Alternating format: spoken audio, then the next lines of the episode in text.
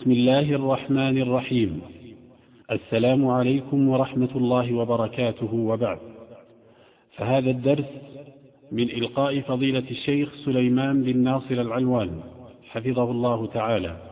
وموضوع هذا الدرس شرح كتاب الطهارة من جامع أبي عيسى الترمذي رحمه الله.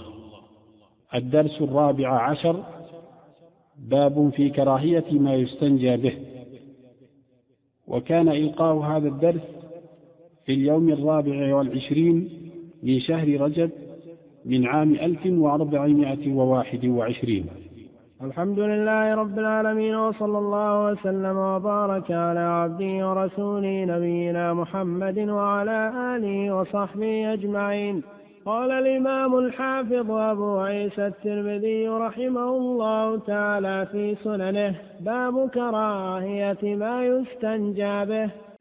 حدثنا هناد قال حدثنا حفص بن غياث عن داود بن عن داود بن أبي هند عن الشعبي عن علقمة عن عبد الله بن مسعود قال قال رسول الله صلى الله عليه وسلم لا تستنجوا بالروث ولا بالعظام فإنه زاد إخوانكم من الجن وفي الباب عن أبي هريرة وسلمان وجابر وابن عمر وقد روى هذا الحديث إسماعيل بن إبراهيم وغيره عن داود بن أبي هند عن الشعبي عن علقمة عن عبد الله أنه كان مع النبي صلى الله عليه وسلم ليلة الجن الحديث بطوله. فقال الشعبي إن النبي صلى الله عليه وسلم قال لا تستنجوا بالروث ولا بالعظام فإنه زاد إخوانكم من الجن. وكأن رواية إسماعيل أصح من رواية حفص بن غياث والعمل على هذا الحديث عند أهل العلم.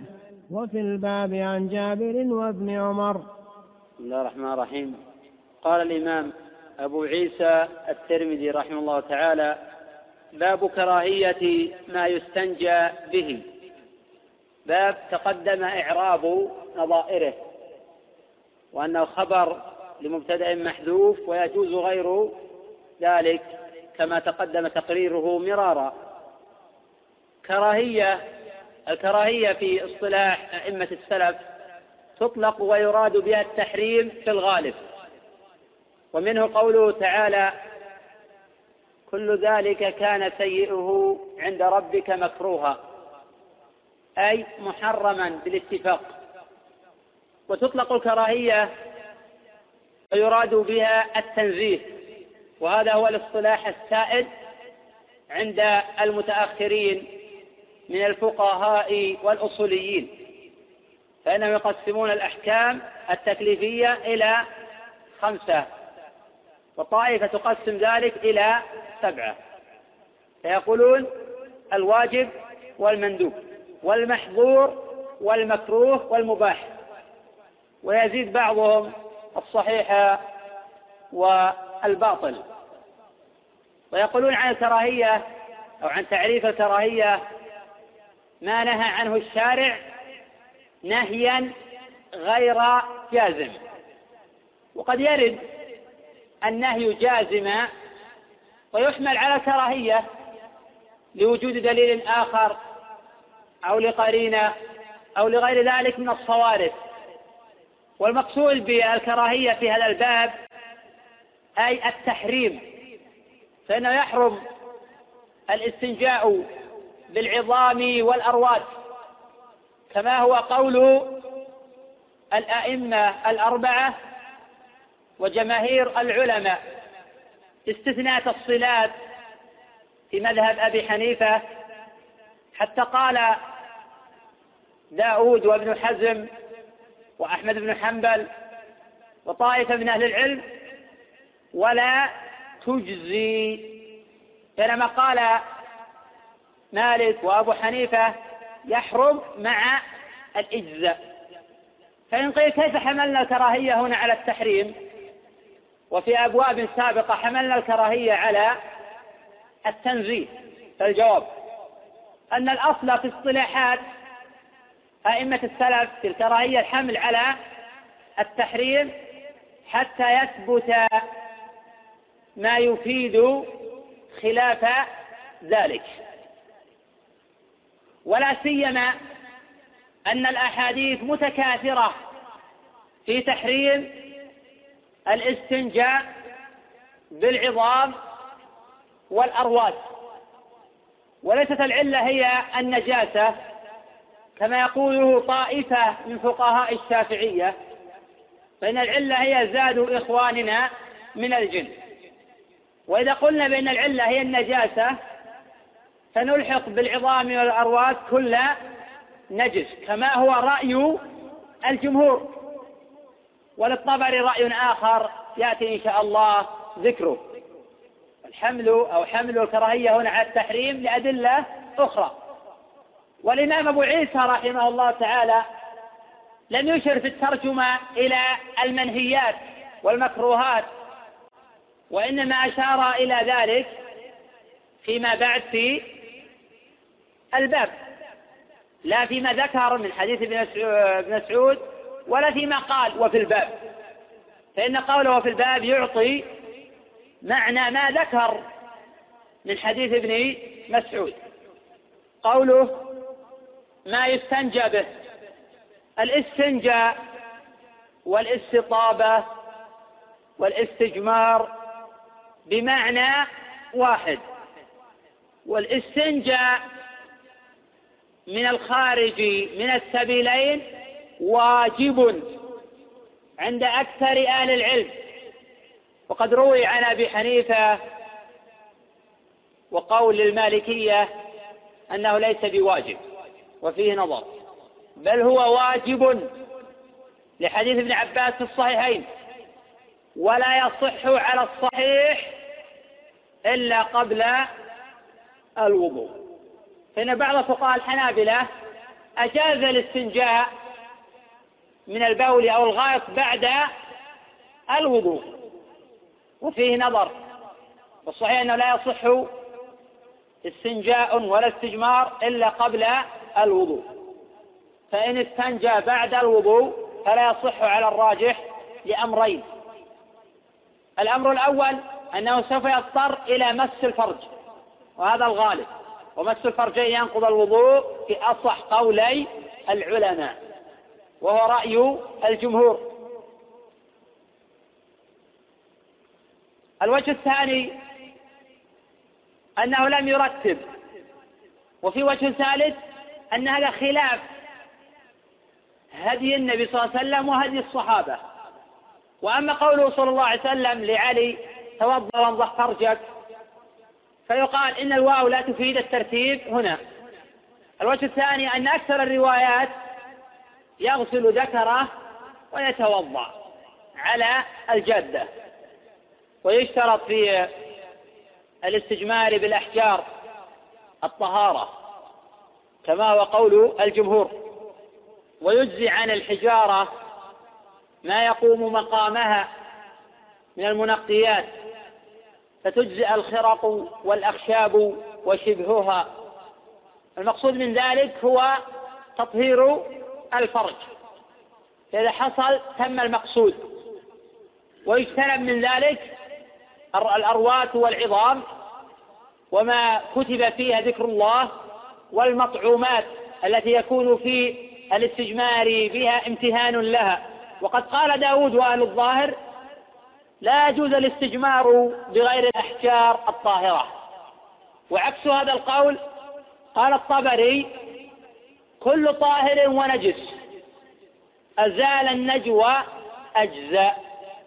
وتوسط في ذلك الجمهور. فقال يجزي كل طاهر. فخرج بذلك النجس وخرج بذلك ما استثني بذلك الأروات والعظام وما فيه محظور كالاستنجاء بكتب أهل العلم وما فيه ذكر الله ونحو ذلك. وهذا يعلم حكمه من أدلة أخرى. قوله حدثنا هناد وقد تقدم أنه ثقة قد توفي رحمه الله ولم يتزوج. قال حدثنا حفص بن غياث ابن طلق ابن معاوية النخعي الكوفي القاضي. ولد سنة سبع عشرة ومئة. وروى عن إسماعيل ابن أبي خالد وأشعث بن سوار وأبي بردة وداود ابن أبي هند وخالد الحذاء وعاصم الأحول وعبد الملك بن جريج وهشام بن حسان وهشام بن عروة ويحيى بن سعيد الأنصاري. وعنه ابن مهدي وأحمد الدورقي وأحمد بن حنبل وإسحاق بن راهويه وأبو خيثمة زهير بن حرب وعفان بن مسلم ويعقوب بن إبراهيم الدورقي وآخرون من الحفاظ. قال الإمام ابن معين رحمه الله عن حفص ثقة وقال يعقوب ابن شيبة ثقة ثبت إذا حدث من كتابه. ويتقى بعض حفظه. وقال يحيى رحمه الله لم أرى بالكوفة مثل هؤلاء الثلاثة. حزام وحفص وابن أبي زائدة. كان هؤلاء أصحاب حديث. وقال النسائي ثقة وقال أبو زرعة ساء حفظه بعدما استقضي. أي بعدما صار قاضيا فمن كتب عنه من كتابه فهو صالح وإلا فهو كذا. قال علي بن المديني سمعت يحيى بن سعيد يقول أوثق أصحاب الأعمش حفص بن غياث فأنكرت ذلك. ثم قدمت الكوفة بآخرة بفتح الخاء والراء. هكذا جاء في كتب أكثر أهل اللغة وضبطها بعض أهل العلم بكسر الخاء وفتح الراء بآخر راء يقول فأخرج إلي عمر بن حفص كتاب أبيه عن الأعمش فجعلت أترحم على يحيى. فقال لي تنظر في كتاب أبي وتترحم على يحيى. قلت سمعته يقول حفص أوثق أصحاب الأعمش. ولم أعلم حتى رأيت كتابه. وقد علق على هذا الحافظ ابن حجر رحمه الله تعالى في هدي الساري قال اعتمد البخاري على حفص هذا في حديث حديث الأعمش لأنه كان يميز بين ما صرح به الأعمش بالسماع وبين ما دلسه. نبه على ذلك أبو الفضل ابن طاهر وقد أجمعوا على توثيق حفص والاحتجاج به. إلا أنه من سمع من كتابه أصح ممن سمع من حفظه. وقول الحافظ لأنه كان يميز بين ما صرح به الأعمش بالسماع وبين ما دلسه تقدم الجواب عن مثل هذا وأن مجرد العنعنة ليست دليلا على التدليس. والأعمش ثقة ثبت صرح بالسماع أو عن عن ما لم يثبت الانقطاع ومجرد العنعنة لا تعني رد حديث المدلس. ومن رد أحاديث المدلسين بمجرد العنعنة فقد أخطأ. وصنيع أئمة الحديث كأحمد ويحيى وابن معين وعلي المديني والبخاري ومسلم وأبي داود والترمذي والنسائي والدار قطني وأكابر أئمة هذا الشأن لا يردون أو يقتضي عدم رد حديث المدلس بمجرد العنعنة. فإذا ثبت تدليسه نعرف ذلك بجمع الطرق أو بحكم إمام من أئمة هذا الشأن؟ وجب حينئذ رد حديثه. وإلا فالأصل في أحاديث المدلسين الثقات القبول ولو عن عنه. على أن جماعة من الثقات رموا بالتدليس ظلما ولم يثبت عنهم شيء من ذلك أصلا. ولكن على فرض ما قيل عنه من التدليس فالأصل في أحاديثهم القبول. وقد قد تقدم تقرير ذلك غير مرة. أحاديث الحسن البصري وقتادة والأعمش وأبي إسحاق السبيعي وهشيم وابن جريج والوليد بن مسلم الأصل في عنعة هؤلاء القبول. حتى يثبت التدليس. وهذا قول الأكابر. وقد توفي حفص رحمه الله تعالى سنة أربع وتسعين ومائة عن داود أي قال حفص عن داود بن أبي هند واسمه دينار وقيل طهمان البصري عن الثقة الإمام المشهور. داود هو ابن أبي هند واسمه دينار وقيل طهمان البصري الثقة الإمام المشهور. مولده في حدود سنة خمس وستين. فإنه قد توفي سنة أربعين ومائة عن خمس وسبعين سنة. وقد روى عن أنس بن مالك ولم يسمع منه. وعن الحسن البصري وبكر المزني ورفيع بالعالية الرياحي وسعيد بن مسيب وعاصم الأحول وعامر الشعبي وعكرمة مولى ابن عباس وعمر بن شعيب وأبي الزبير المكي وعنه إسماعيل بن علية وبشر بن المفضل وسفيان الثوري وشعبة وعبد الوارث بن سعيد وعلي بن مسر ومعتمر بن سليمان وهشيم بن بشير ويزيد بن زريع ويحيى القطان ويحيى بن سعيد الأنصاري وهو من أقرانه. وأبو معاوية محمد بن خازم الضرير قال علي بن المديني رحمه الله تعالى له نحو مئتي حديث. وقال علي عن سفيان قالوا عن ابن جريج فلقيت داود ابن أبي هند فإذا هو ينزع العلم نزعا. فإذا هو ينزع العلم نزعا.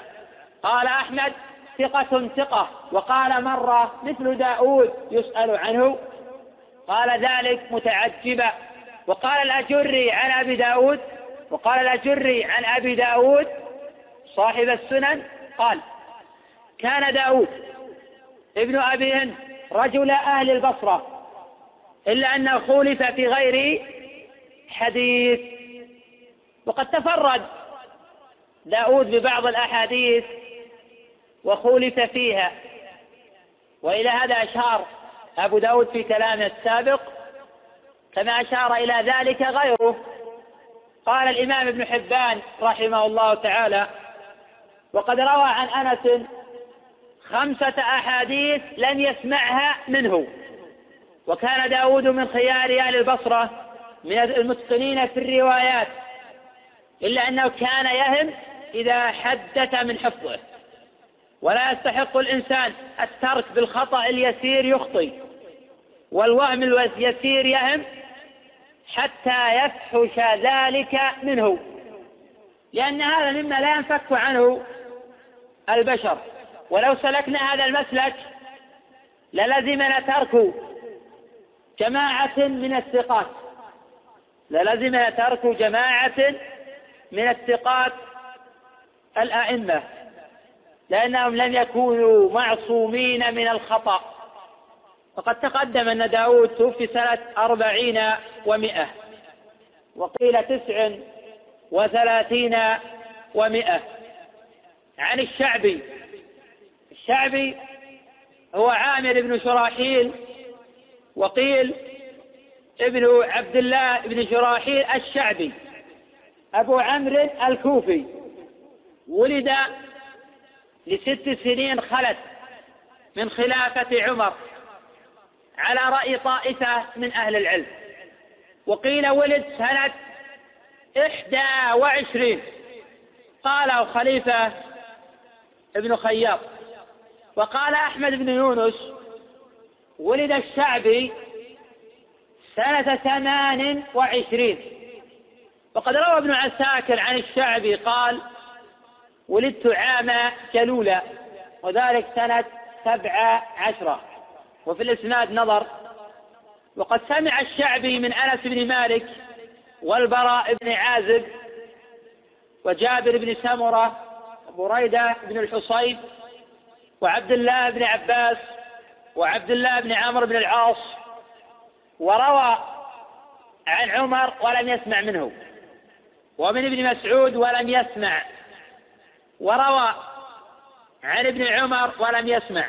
وقد قيل إنه أدرك عمر وهذا مبني على الخلاف في تحديد مولده. غير أن الجميع متفقون على أنه لم يسمع من عمر شيئا. وقد قال الإمام الدار قطني رحمه الله سمع من علي حرفا ما سمع غير هذا. وعنه حصين بن عبد الرحمن والأعمش وسماك بن حرب وعبد الله بن بريدة وقتادة وعاصم الأحول وإسماعيل ابن أبي خالد وهو أحسن الناس رواية عن الشعبي. وقد قدمه أحمد على غيره وقال هو أصح الناس حديثا عن الشعبي. وتوثيق الشعبي محل إجماع من أهل العلم.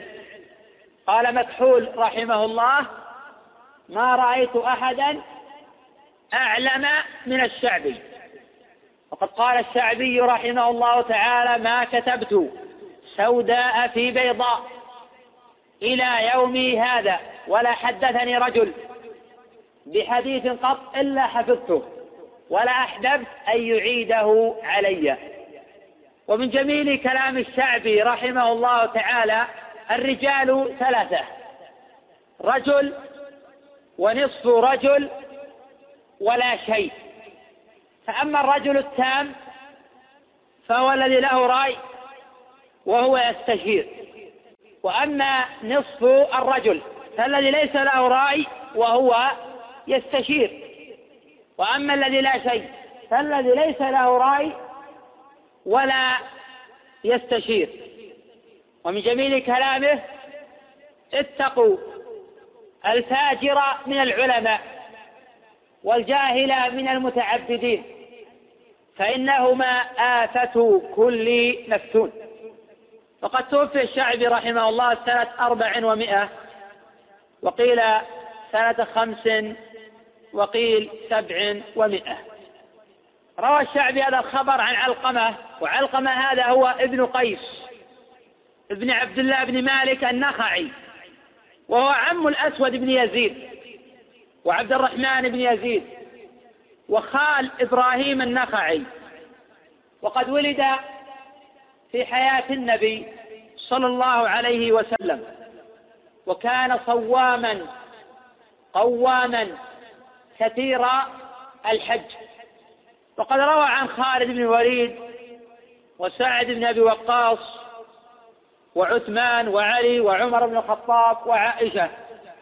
وعنه إبراهيم النخعي وأبو وائل ابن سلمة وأبو إسحاق السبيعي ولم يسمع منه على الصحيح وجماعة. قال أحمد ثقة من أهل الخير. قال إبراهيم كان أصحاب عبد الله بن مسعود الذين يقرؤون الناس القرآن ويعلمونهم السنة ويصدر الناس عن رأيهم ستة وهم علقمة والأسود ومسروق وعبيدة السلماني وأبو ميسرة عمرو بن شرحبيل والحارث ابن قيس. وقد مات سنة إحدى وستين. وقال خليفة مات سنة خمس وستين وقيل غير ذلك. عن عبد الله ابن مسعود. وقد تقدم الحديث عنه. وقد قيل إنه توفي سنة اثنتين وثلاثين وقيل سنة ثلاث وثلاثين. وتقدم فضله وأنه قد هاجر الهجرتين. قال قال رسول الله صلى الله عليه وسلم لا تستنجوا بالروث ولا بالعظام. لا ناهية. ولهذا جزم الفعل بعدها. والأصل في النهي أن يقتضي التحريم.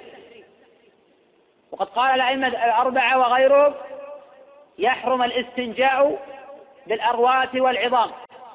على تفصيل في الفقه الحنفي في الأرواث وقد قال أحمد والظاهرية يحرم الاستنجاء بالأرواث والعظام ولا يطهران. يحرم. قال أحمد والظاهرية يحرم الاستنجاء بالأرواث والعظام ولا يطهران. وذلك لما روى الدار قطني وابن عدي من طريق يعقوب بن كاسب. قال حدثنا سلمة بن رجاء عن الحسن بن الفرات عن أبيه عن أبي حازم عن أبي هريرة أن النبي صلى الله عليه وسلم نهى أن يستنجى بروث أو عظم وقال إنهما لا يطهران. وقد صححه الدار قطني رحمه الله تعالى وفي نظر وقد أعله ابن عدي في الكامل وهذا الحق. فإن هذا الخبر من الأهمية بمكان فلا يمكن أن يتفرد به يعقوب عن سلمة ولا سلمة عن الحسن ولا الحسن عن أبيه. فالخبر لا يحتج بمثله والراجح أنه يحرم الاستنجاء بالأرواث والعظام غير أن من خالف واستنجى بهما وأنقى الموضع أن هذا مجزي وهذا مذهب مالك وأبي حنيفة وهو اختيار شيخ الإسلام ابن تيمية رحمه الله. قوله فإنه زاد إخوانكم من الجن أي فإن ذلك من الأرواث والعظام زاد إخوانكم من الجن. أي السبب في منع الاستنجاب بالأرواث والعظام أنهما زادوا الجن. فليست العلة هي حينئذ هي النجاسة. لأن العظام طاهرة. وأرواث ما لا يؤكل لحمه طاهرة. وأرواث ما لا وأرواث ما يؤكل لحمه طاهرة. وأرواث ما لا يؤكل لحمه فيها نزاع. وقد جاء التعليل بأنهما زادوا إخوانا من الجن في صحيح البخاري. من حديث أبي هريرة وسيأتي إن شاء الله الإشارة عليه الإشارة إليه على قول أبي عيسى وفي الباب. وأنا أؤخر كلام الترمذي وفي الباب إلى نهاية الحديث عن هذا الخبر. ولا سيما أن أبا عيسى رحمه الله قال وفي الباب هنا وفيما بعد. سنتحدث الآن عن حديث الباب. حديث الباب رواته ثقات. ولا يلزم من توثيق الرواة تصحيح الخبر. وقد جاء هذا الخبر في صحيح الإمام مسلم من طريق عبد الأعلى ابن عبد الأعلى وصححه ابن خزيمة. بينما رواه مسلم رحمه الله في صحيحه من طريق إسماعيل بن إبراهيم ابن علية المعروف بابن علية إبراهيم هو والد وعلية اسم والدته. وكان يكره أن ينسب إلى أمه. غير أنه اشتهر بذلك فخشية أن لا يعرف ينسب إلى أمه. وإسماعيل بن علية ثقة ثبت. حتى قال عنه شعبة أمير المحدثين أو سيد المحدثين. وقال عنه غندر ليس أحد يقدم في الحديث على إسماعيل ابن إبراهيم. وقد رواه إسماعيل بن إبراهيم. وذلك في صحيح الإمام مسلم. عن داود بن أبي هند عن الشعبي عن علقمة عن عبد الله بن مسعود. أنه كان مع النبي صلى الله عليه وسلم ليلة الجن. فذكر الخبر بطوله. وجعل آخرة من كلام الشعبي عن النبي صلى الله عليه وسلم أي مرسلا. فقال في آخره قال الشعبي قال صلى الله عليه وسلم لا تستنجوا بالروث ولا بالعظام. وهذا هو الذي استظهره أبو عيسى كما هنا. فقال رحمه الله كأن رواية إسماعيل أصح من رواية حفص. لأن إسماعيل ثقة وهو أوثق من حفص. وقد توبع إسماعيل كما توبع حفص. أوضح ذلك. رواه إسماعيل ابن إبراهيم وعبد الله ابن إدريس عند مسلم أيضا ويزيد بن زريع وهو ثقة ومحمد ابن أبي عدي. كلهم عن داود عن الشعبي عن علقمة عن عبد الله وفصلوا أوله عن آخره. وجعلوا قول النبي صلى الله عليه وسلم لا تستنجوا بالروث ولا بالعظام من مراسيل الشعبي. وهذا الذي رجحه الدار قطني رحمه الله تعالى. لأن الذين أرسلوه أصح وأقوى وأثبت ولا سيما وفيهم إسماعيل بن علي الإمام الحافظ الذي قد تقدم قول غندر عنه ليس يقدم في الحديث أحد على إسماعيل.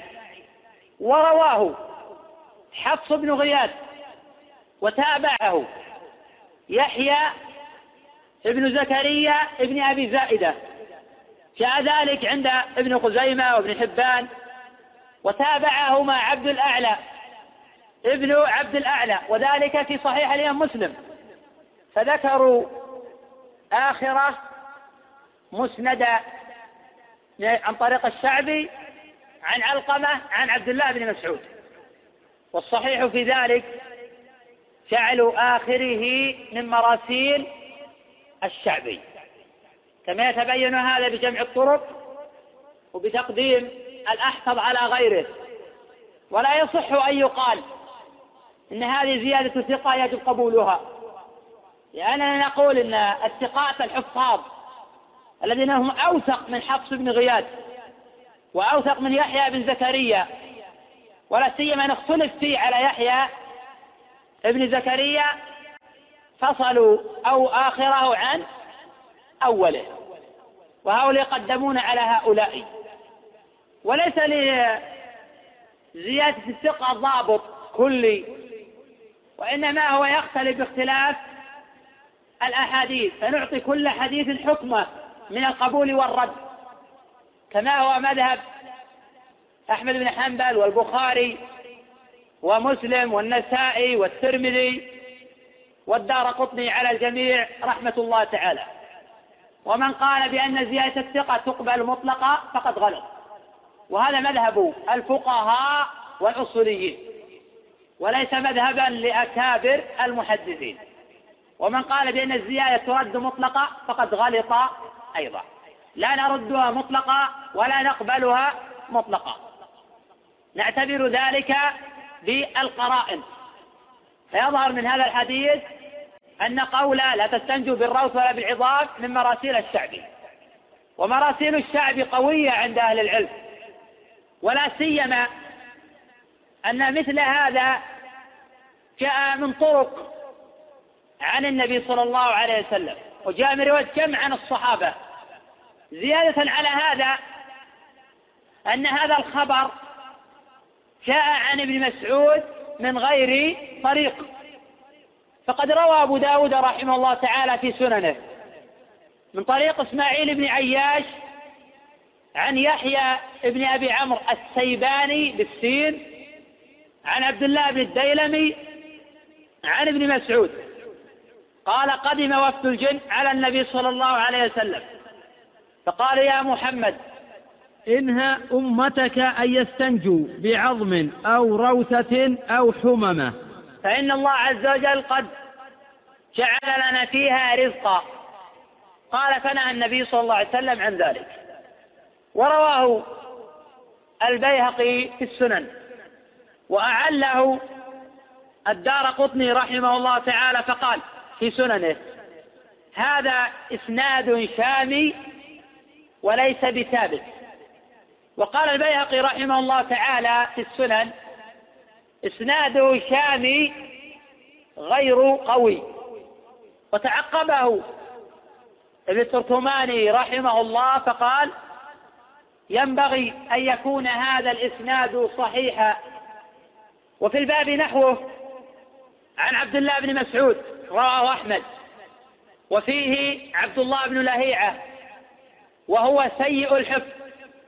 وفي الباب عند النسائي من طريق يونس عن ابن شهاب عن أبي عثمان بن سنة الخزاعي عن عبد الله بن مسعود أن النبي صلى الله عليه وسلم نهى أن يستطيب الرجل بعظم أو روث.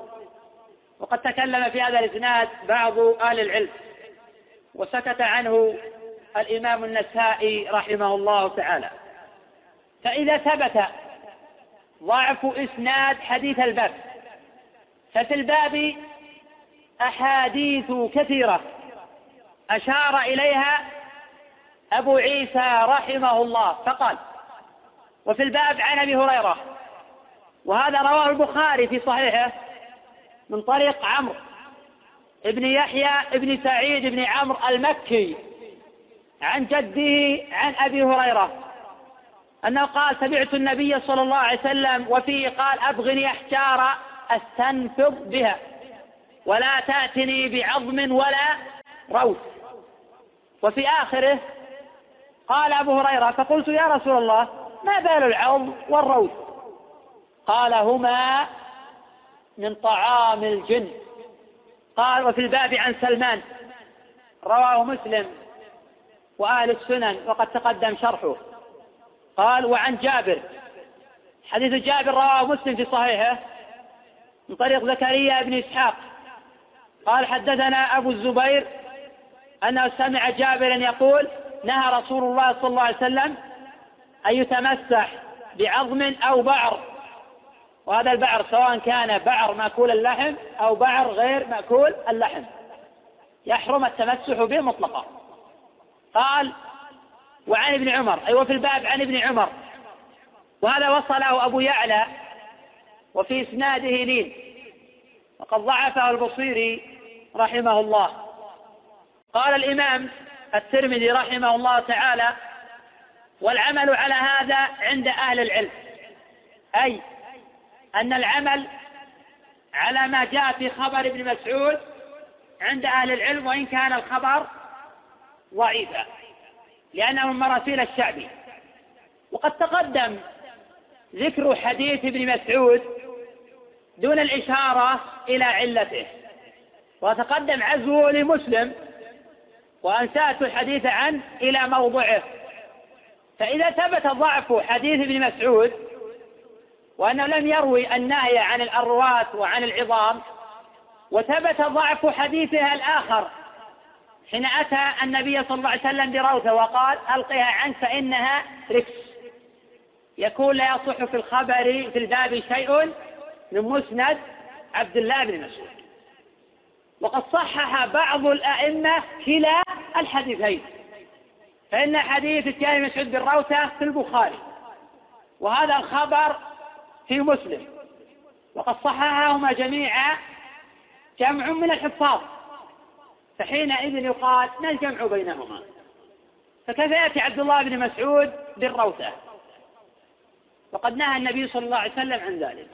فيقال إما أن يحمل حديث ابن مسعود لا تستنجوا بالروث ولا بالعظام على تأخره عن حديث أو عن إتيان عبد الله بن مسعود بالروثة.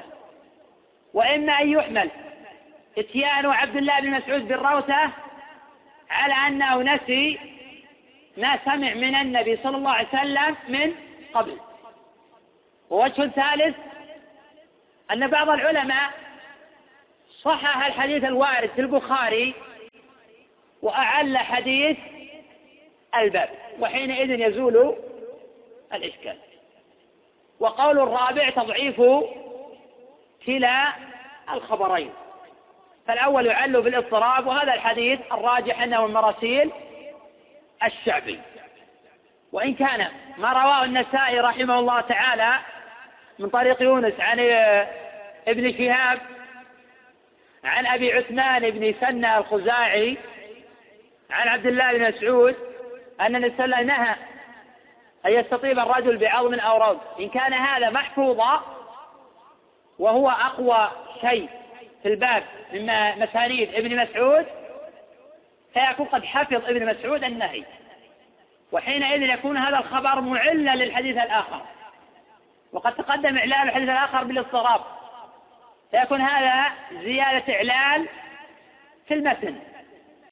إلا إذا حملنا الحديث الآخر على النسيان وهذا وارد لأن إعلانه بالمتن في صعوبة ولا سيما مع إمكانية الجمع.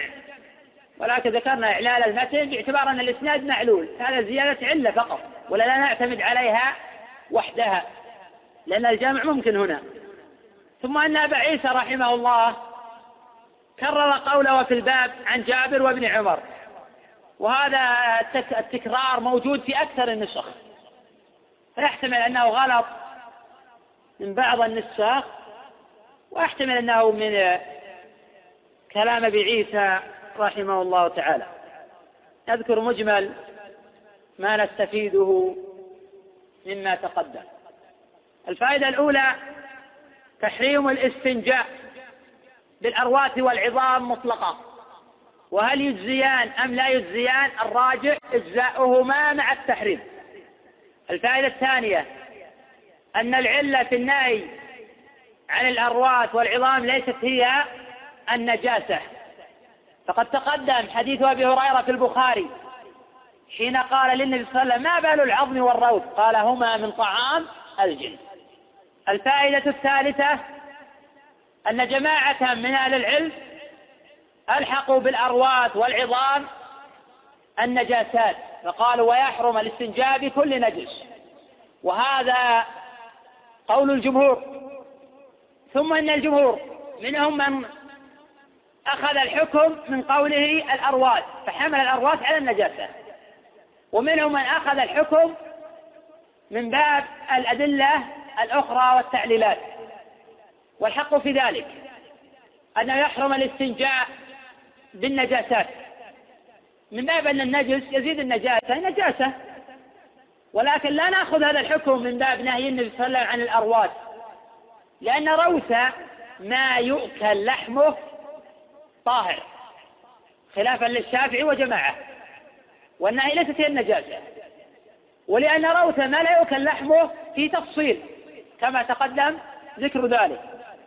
الفائدة الرابعة أنه يجوز الاستنجاء بغير الحجارة في كل شيء طاهر ما لم يكن طعاما محترما أو ورقة مكتوبا فيه أو ورقة فيه شيء من ذكر الله. وهذا قول أكثر أهل العلم أيضا. خلافا للظاهرية القائلين بتحريم الاستنجاء بغير الحجارة. يكفي هذا. والله أعلم. نعم. الدرقطني رحمه تعالى أعل حديث الباب وقال إنه مرسل إنه مرسل الصواب يقول الشعبي عن النبي صلى الله عليه وسلم. اي نعم. اي نعم.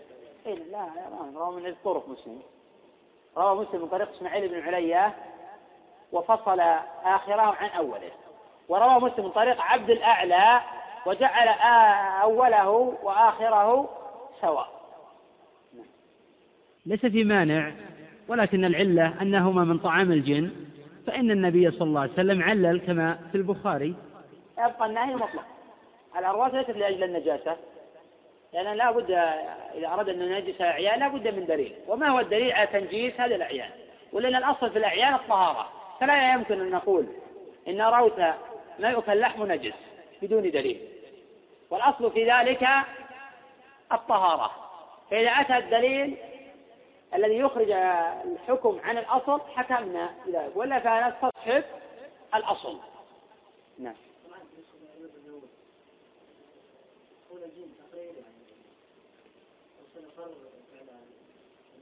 إحنا قال إنهم متاك. يعني نهى الاستجابه لطلبهم فنهى الأمة. وقد تقدم إن الدار قطني والبيهقي قد أعل هذا الخبر وأن أسناد الشامي غير ثابت. شيخ بالنسبة لعبد الله بن مسعود سئل أنه لم يشهد ليلة الجن مع النبي عليه الصلاة. إيه لأنه ما حضر يعني. أيوة أنه يقول أنه كان مع النبي صلى الله عليه وسلم. إيه لكن ما ذهب معهم. استصحبه لكن ما ذهب معه ولا سمع شيئا من ذلك أي أنه صحب ولكن لم يحضر وهذا شهود ابن مسعود اللي هذا لا إشكال فيه الكلام هل روى ابن مسعود عن النبي صلى الله عليه وسلم قال لا تستنجوا بالروث ولا بالعظام وهذا الذي رجح دار آه، رسالة وأنه من كلام الشعبي عن النبي صلى الله عليه وسلم وهو الذي أشار إليها أبو عيسى هنا قال وكان رواية إسماعيل أصح من رواية حفص ابن غير أي ومن تابعه. ويقدم إزالة الإشكال إذا صححنا كلا الروايتين الجامع بين هذا الحديث وبين الحديث الذي وارد في البخاري. كفيات ابن مسعود بالروثة.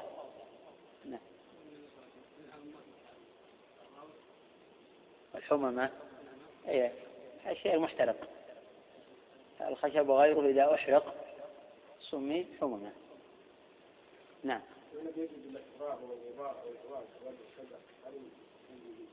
أعواد الشجر؟ نعم. يستنجي بهما إذا أنقيا. أما التراب فإنه لا بأس يستنجي به في البول لأنه يطهر أما بالنسبة للغائط فإن التراب لا يطهر الغائط. إلا إذا كان جمشا قد يطهر. أما إذا كانت التراب منهالا فإنه قد يلوث أكثر حينئذ يأتم بذلك. فلا يستنجي القاعدة فلا يستنجي أو يستجمر أو يستطيب إلا بما ينقي هذا ضابط الحكم. ثم شروط الاستنجاء قد تقدم ذكرها أن يكون طاهرا منقيا وهي الاستنجاء بعظم ولا روث ولا نجس على الصحيح ولا مطعوم محترم ولا ورق مكتوب فيه شيء من ذكر الله ونحو ذلك. هل يكون ما يكون فيه شيء من ذلك هل يكون فيه صحراء فاضية لا شيء من ذلك.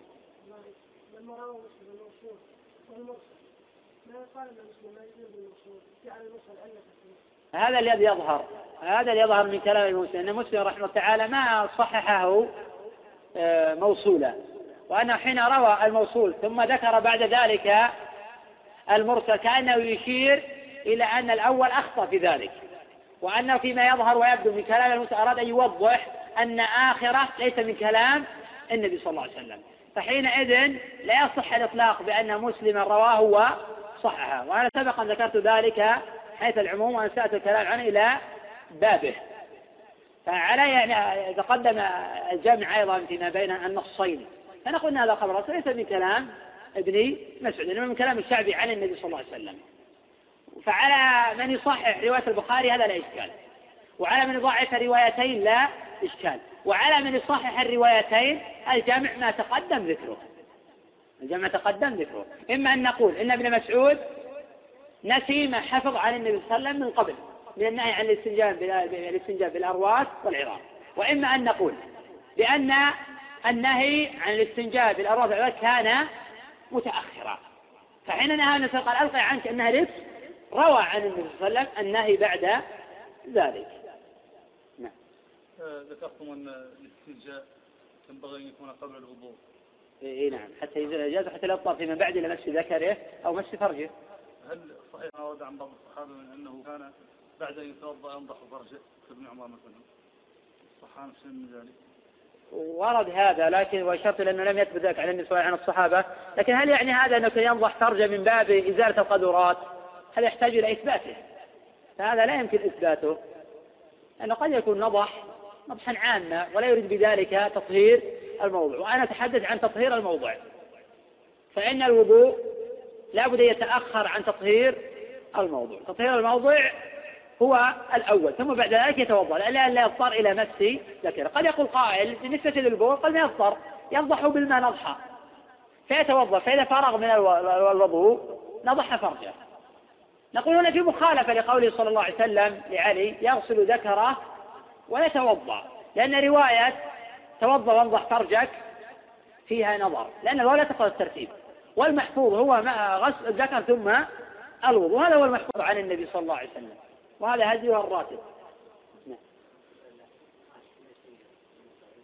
اي نعم في مضطر. تقدم تعليل حديث أبي إسحاق السبيعي عن أبي عبيدة عن مسعود وحديث أبي إسحاق السبيعي عن علقمة عن الأسود بن يزيد عن أبيه عن ابن مسعود وان هذا الخبر فيه اضطراب وهو معلول كما تقدم إشارة ذلك وأنه هو قول أبي عيسى الترمذي رحمه الله تعالى وهو الذي أشار إليه الدار قطني رحمه الله تعالى في العلل حين أشار إلى أن هذا الحديث اختلف فيه اختلافا كثيرا وتقدم إيضاحه وبيانه. في نعم أحاديث نعم في أحاديث.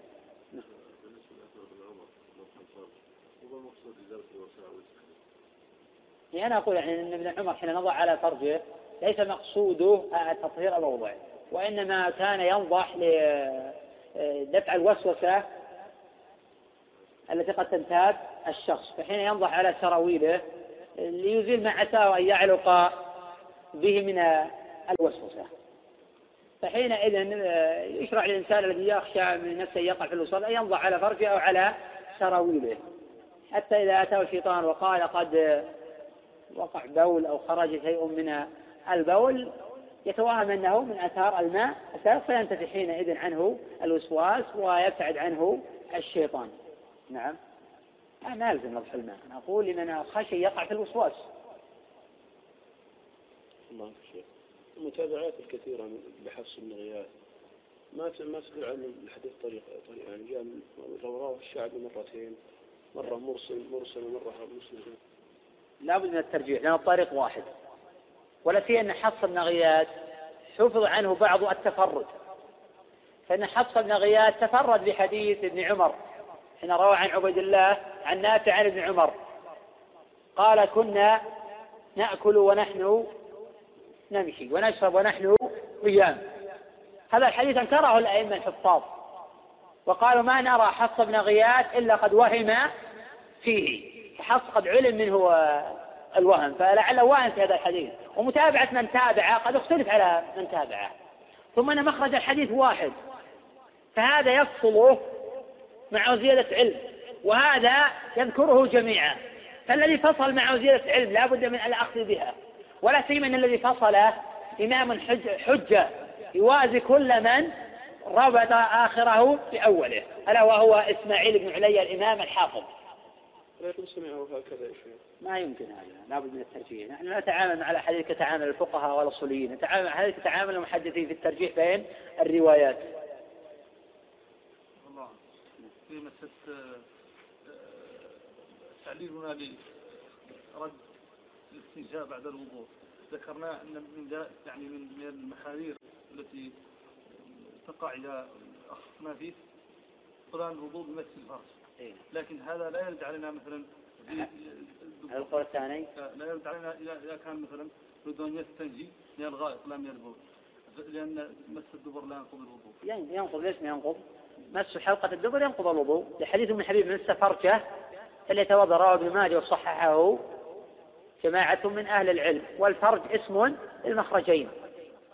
نعم. لا الاستنجاء من الريح ليس له أصل. يكتفى بالوضوء من الريح دون الاستنجاء. وأما ما تفعله العامة الآن من الاستنجاء من خروج الريح هذا ليس له أصل عن رسول الله صلى الله عليه وسلم ولا عن أحد من الصحابة ولا عن, ولا عن أحد من الأئمة المتبوعين. إنما يكون الاستنجاء من البول أو الغائط. أو من خروج الدم المستحاضة عند طائفة أو عند أكثر أهل العلم. نعم. إيه نعم أشرتنا إلى أن حكم الاستنجاء وإزالة النجاسة في, في ذلك خلاف. الجمهور يقولون بأن الاستنجاء شرط ولا تصح الصلاة بدونه وهذا مذهب الإمام الشافعي وأحمد وهو قول داود الظاهري والطبري وجماعة فلا تصح صلاة من صلى دون أن يستنجي إما بالماء أو بالأحجار وقالت طائفة بأن الاستنجاء واجب وليس بشرط وتصح الصلاة بدونه حيث يأتم ويكون مسيئا بترك الاستنجاء ولكن إن صلى لا إعادة عليه. وهذا مذهب مالك وأبي حنيفة رحمه الله تعالى. في طائفة ثالثة قالت بأن الاستنجاء ليس بشرط ولا واجب. وهذا نسب إلى الأحناف فلا أظنه يصح. لأن المشهور من مذهب أبي حنيفة أنه واجب. نعم. نعم تقدم ذكرها بأنه يجب إزالة ما يعلق بالفرجين قبل الوضوء. فإن توضأ ثم أزال ما يعلق بالفرجين فإن لم يمس ذكره بعض العلماء يبطل وبعض العلماء يصحح بما أنه ما مس ذكره لأن مس الذكر ينقض الوضوء. وفي طائفة من العلماء تجيزه مطلقا. تقول يصح الوضوء قبل الاستنجاء من الخارج من الفرجين. والأظهر كما سبق أنه يجب الاستنجاء لما خرج من الفرجين قبل الوضوء. فإن فعل فبعض العلماء يعني يقول إن, إن الصلاة باطلة بعض العلماء يصححها مع الإثم. المراد يجب الاستنجاء قبل الوضوء. فلا يمكن أن يتوضأ وفي قبله أو دبره نجاسة. لا بد يزيل النجاسة ثم يتوضأ. والتراب تقدم الحديث عنه حتى التراب. تقدم أن التراب إذا كان ينقي أجزاء لكن الغالب أن التراب يلوث. إلا التراب المتماسك كالجمش ونحوه يطهر. ولذلك قد يطهر التراب البول لكن بالنسبة للغائط وهو الخارج من الدبر فإن التراب يلوث ويزداد نجاسة إلى نجاسته ولو ثبت أنه طهره لا مانع من ذلك لكن المعروف أنه يزيد نجاسة حيث يتفتت في يده وفي جنبتي دبره. وهذا إذا ثبت أنه يلوث فيحرم الاستنجاء به. إذا نعم إذا لم يثبت أنه يلوث أو أن شخصا يحسن التعامل معه ولا يلوثه فلا بأس بذلك. لكن الغالب أنه يلوث. نعم لا بأس بهذا الشجر وبالأعواد وغيرها. المهم أن ينقي. إذا أنقى لا حرج في ذلك. بسم الله الرحمن الرحيم. السلام عليكم ورحمة الله وبركاته وبعد. فهذا الدرس من إلقاء فضيلة الشيخ سليمان بن ناصر العلوان. حفظه الله تعالى. وموضوع هذا الدرس شرح كتاب الطهارة من جامع أبي عيسى الترمذي رحمه الله. الدرس الخامس عشر باب الاستنجاء بالماء. وكان إلقاء هذا الدرس في اليوم السادس والعشرين من شهر رجب من عام ألف وأربعمائة وواحد وعشرين. الحمد لله رب العالمين وصلى الله وسلم وبارك على عبده ورسوله نبينا محمد وعلى آله وصحبه أجمعين. قال الإمام الحافظ أبو عيسى الترمذي رحمه الله تعالى في سننه باب الاستنجاء بالماء. حدثنا قتيبة ومحمد بن عبد الملك ابن أبي الشوارب قال حدثنا أبو عوانة عن قتادة عن معاذة عن عائشة قالت مرن أزواجكن أن يستطيبوا بالماء فإني أستحيهم. فإني أستحييهم فإن رسول الله صلى الله عليه وسلم كان يفعله. وفي الباب عن جرير بن عبد الله البجلي وأنس وأبي هريرة.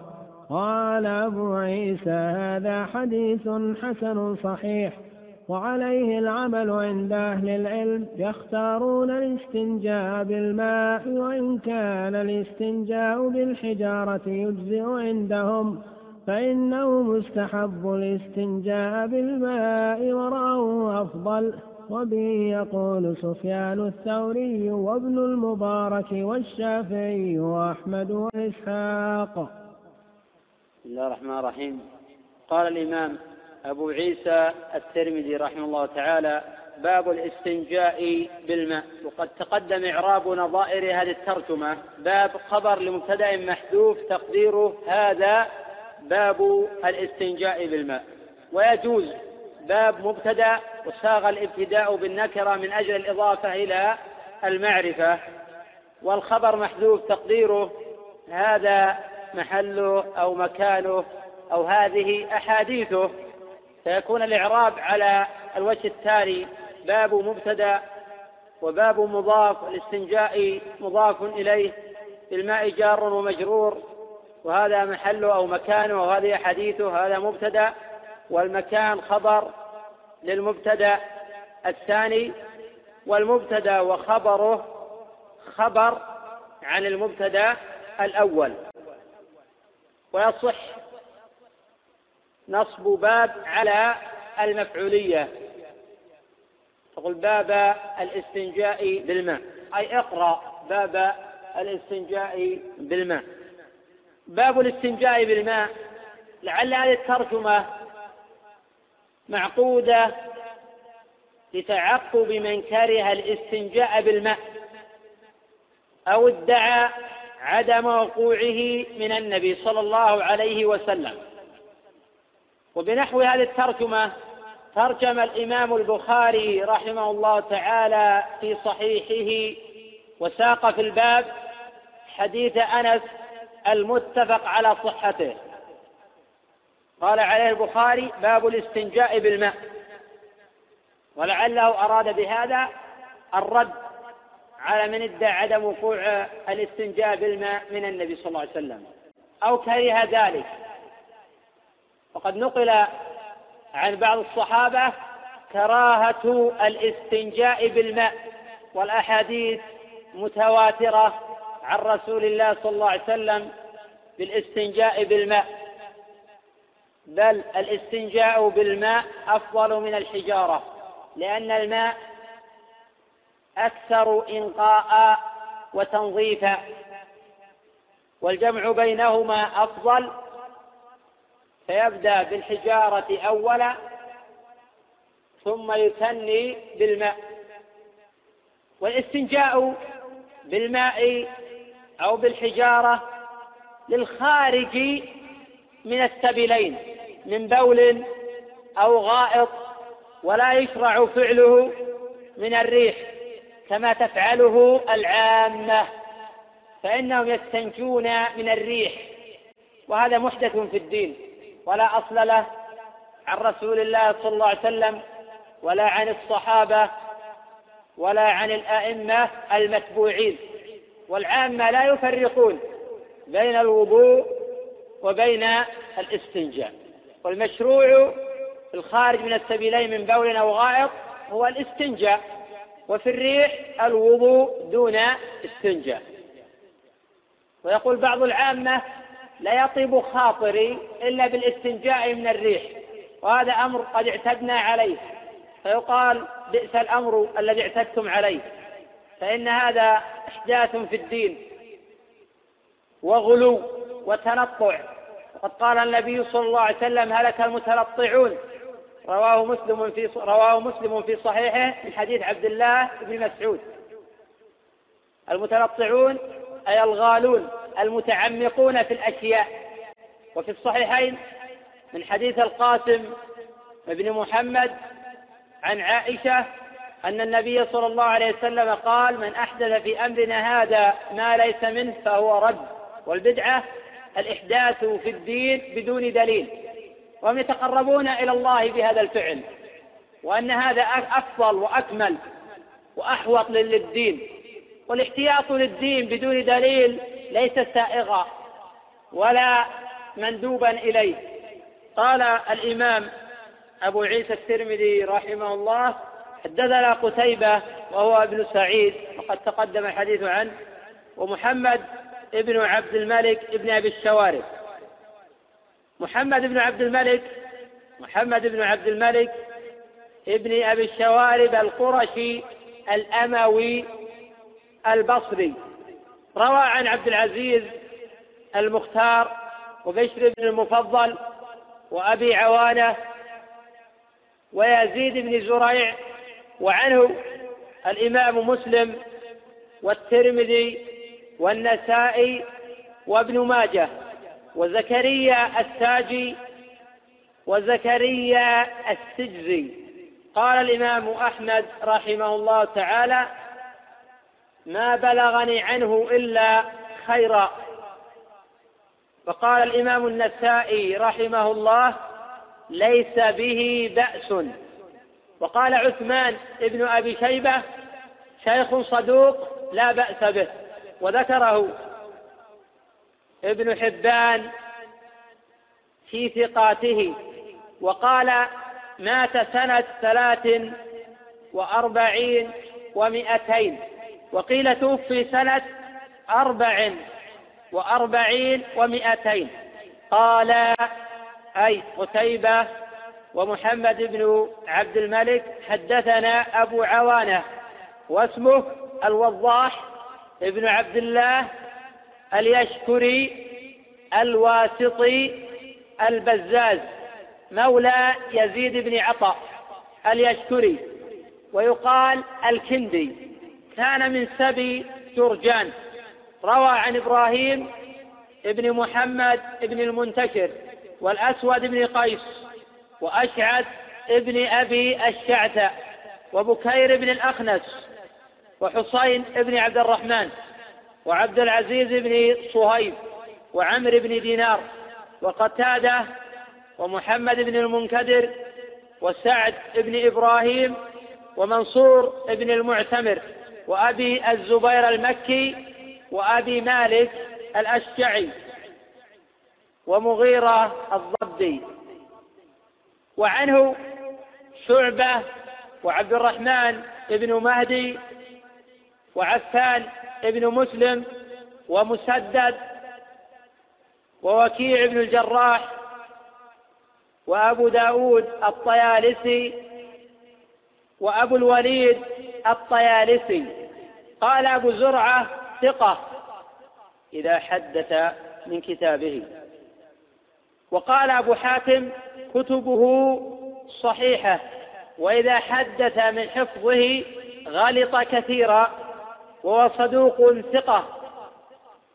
وقال يحيى ابن معين أبو عوانة أحب إلي من إسرائيل وأثبت وقد توفي سنة سبعين ومائة وقيل سنة خمس وسبعين ومائة قال أبو عوان عن قتادة.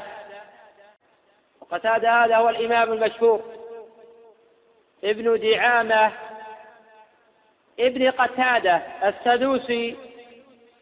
الإمام الثقة. التابعي المشهور. قد قيل إنه ولد أكمة. وقد ولد سنة ستين. وروى عن أنس بن مالك. وبديل بن ميسرة.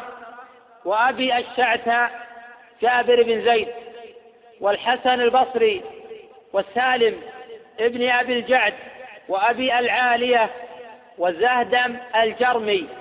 وقال الإمام البخاري لا أعرف لقتادة سماعا منه. وسليمان بن يسار وقال أحمد لم يسمع منه. وعبد الله بن بريدة وقال البخاري لا يعرف سماعه منه.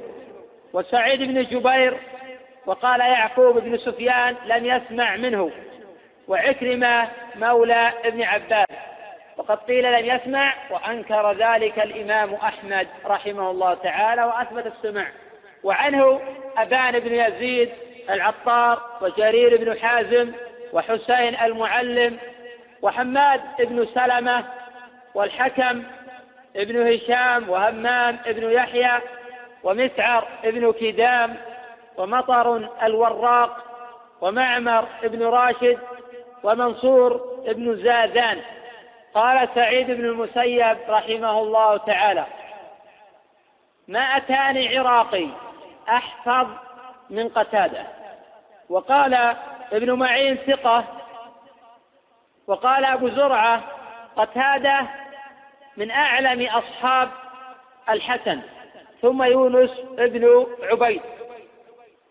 وقال أبو حاتم أكبر أصحاب الحسن قتادة وأثبت أصحاب أنس الزهري ثم قتادة. وقد أورده الحافظ ابن حجر رحمه الله تعالى في المدلسين في المرتبة الثالثة وذلك في كتابه تعريف أهل التقديس بمراتب الموصوفين بالتدليس.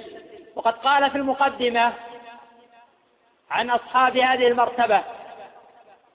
من أكثر من التدليس فلم يحتج الأئمة من أحاديثهم إلا بما صرحوا فيه بالسماع. ومنهم من رد أحاديثهم مطلقا ومنهم من قبلهم مطلقا.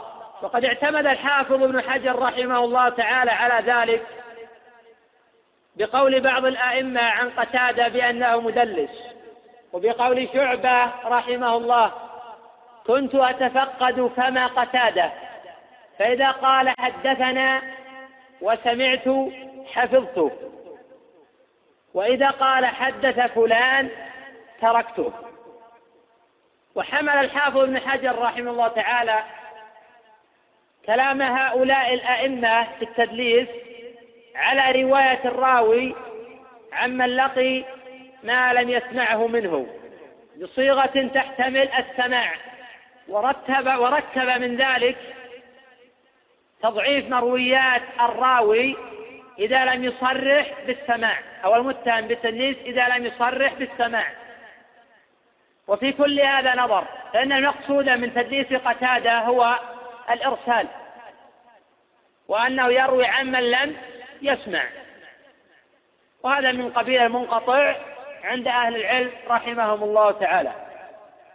بدليل أنه يروي عن سعيد بن جبير وعن سليمان بن يسار كما تقدم وعن ابن بريدة ولم يسمع منهم. وليس هذا تدليسا على اصطلاحات المتأخرين. السلف يسمون هذا تدليسا باعتبار الانقطاع. وليس بمثل هذا يرد حديث الراوي. فقتادة إمام ثقة ولا يصح وصفه بالتدليس على اصطلاحات المتأخرين. ولا تضر عنعنته مطلقا. والمدار في أحاديث قتادة وأمثاله من الأكابر الثقات هو السماع. فإذا روى عمن سمع ولو عن عن فهو مقبول. اتفاقا عند الأئمة السابقين. وإذا روى عمن لم يسمع فحديثه منقطع. وهذا الذي يسميه بعض الأكابر بأنه دلس. وتأمل في قوله شعبة السابق كنت أتفقد سمع قتادة فإذا قال حدثنا وسمعت حفظته. باعتبار أنه سمع. وإذا قال حدث فلان إشارة إلى أنه لم يسمع. وهذا ليس تدليسا على اصطلاحات المتأخرين. نعتبر هذا من الأحاديث المنقطعة. وجعلوا قتادة في المرتبة الثالثة الذين لم يحتج الأئمة من أحاديثهم إلا بما صرحوا بالسماع هذا ظلم لقتادة. وقول الحافظ لم يحتج الأئمة من أحاديثهم إلا بما صرحوا فيه بالسماع لا يستطيع الحافظ أن يورد رجلا واحدا من الأئمة لم يحتج بحديث قتادة. فضلا عن تضخيم الأمر وأنهم الأئمة وإنما نقل عن بعض الأئمة أنه لا يحتج من أحاديث المدلس إلا بما صرح فيه بالسماع وذلك المكثر. ويعنون بالتدليس شيئا آخر غير ما نحن فيه. فإن قتادة لا يحدث عن الضعفاء ويسقطهم ويروي عن مشايخهم بصيغة تحتمل السماع وإنما يروي عمن عاصر ما لم يسمعه. وهذا يعل بالانقطاع. وإلا للزم من هذا رمي الأكابر بالتدليس يعني يرون أحاديث منقطعة.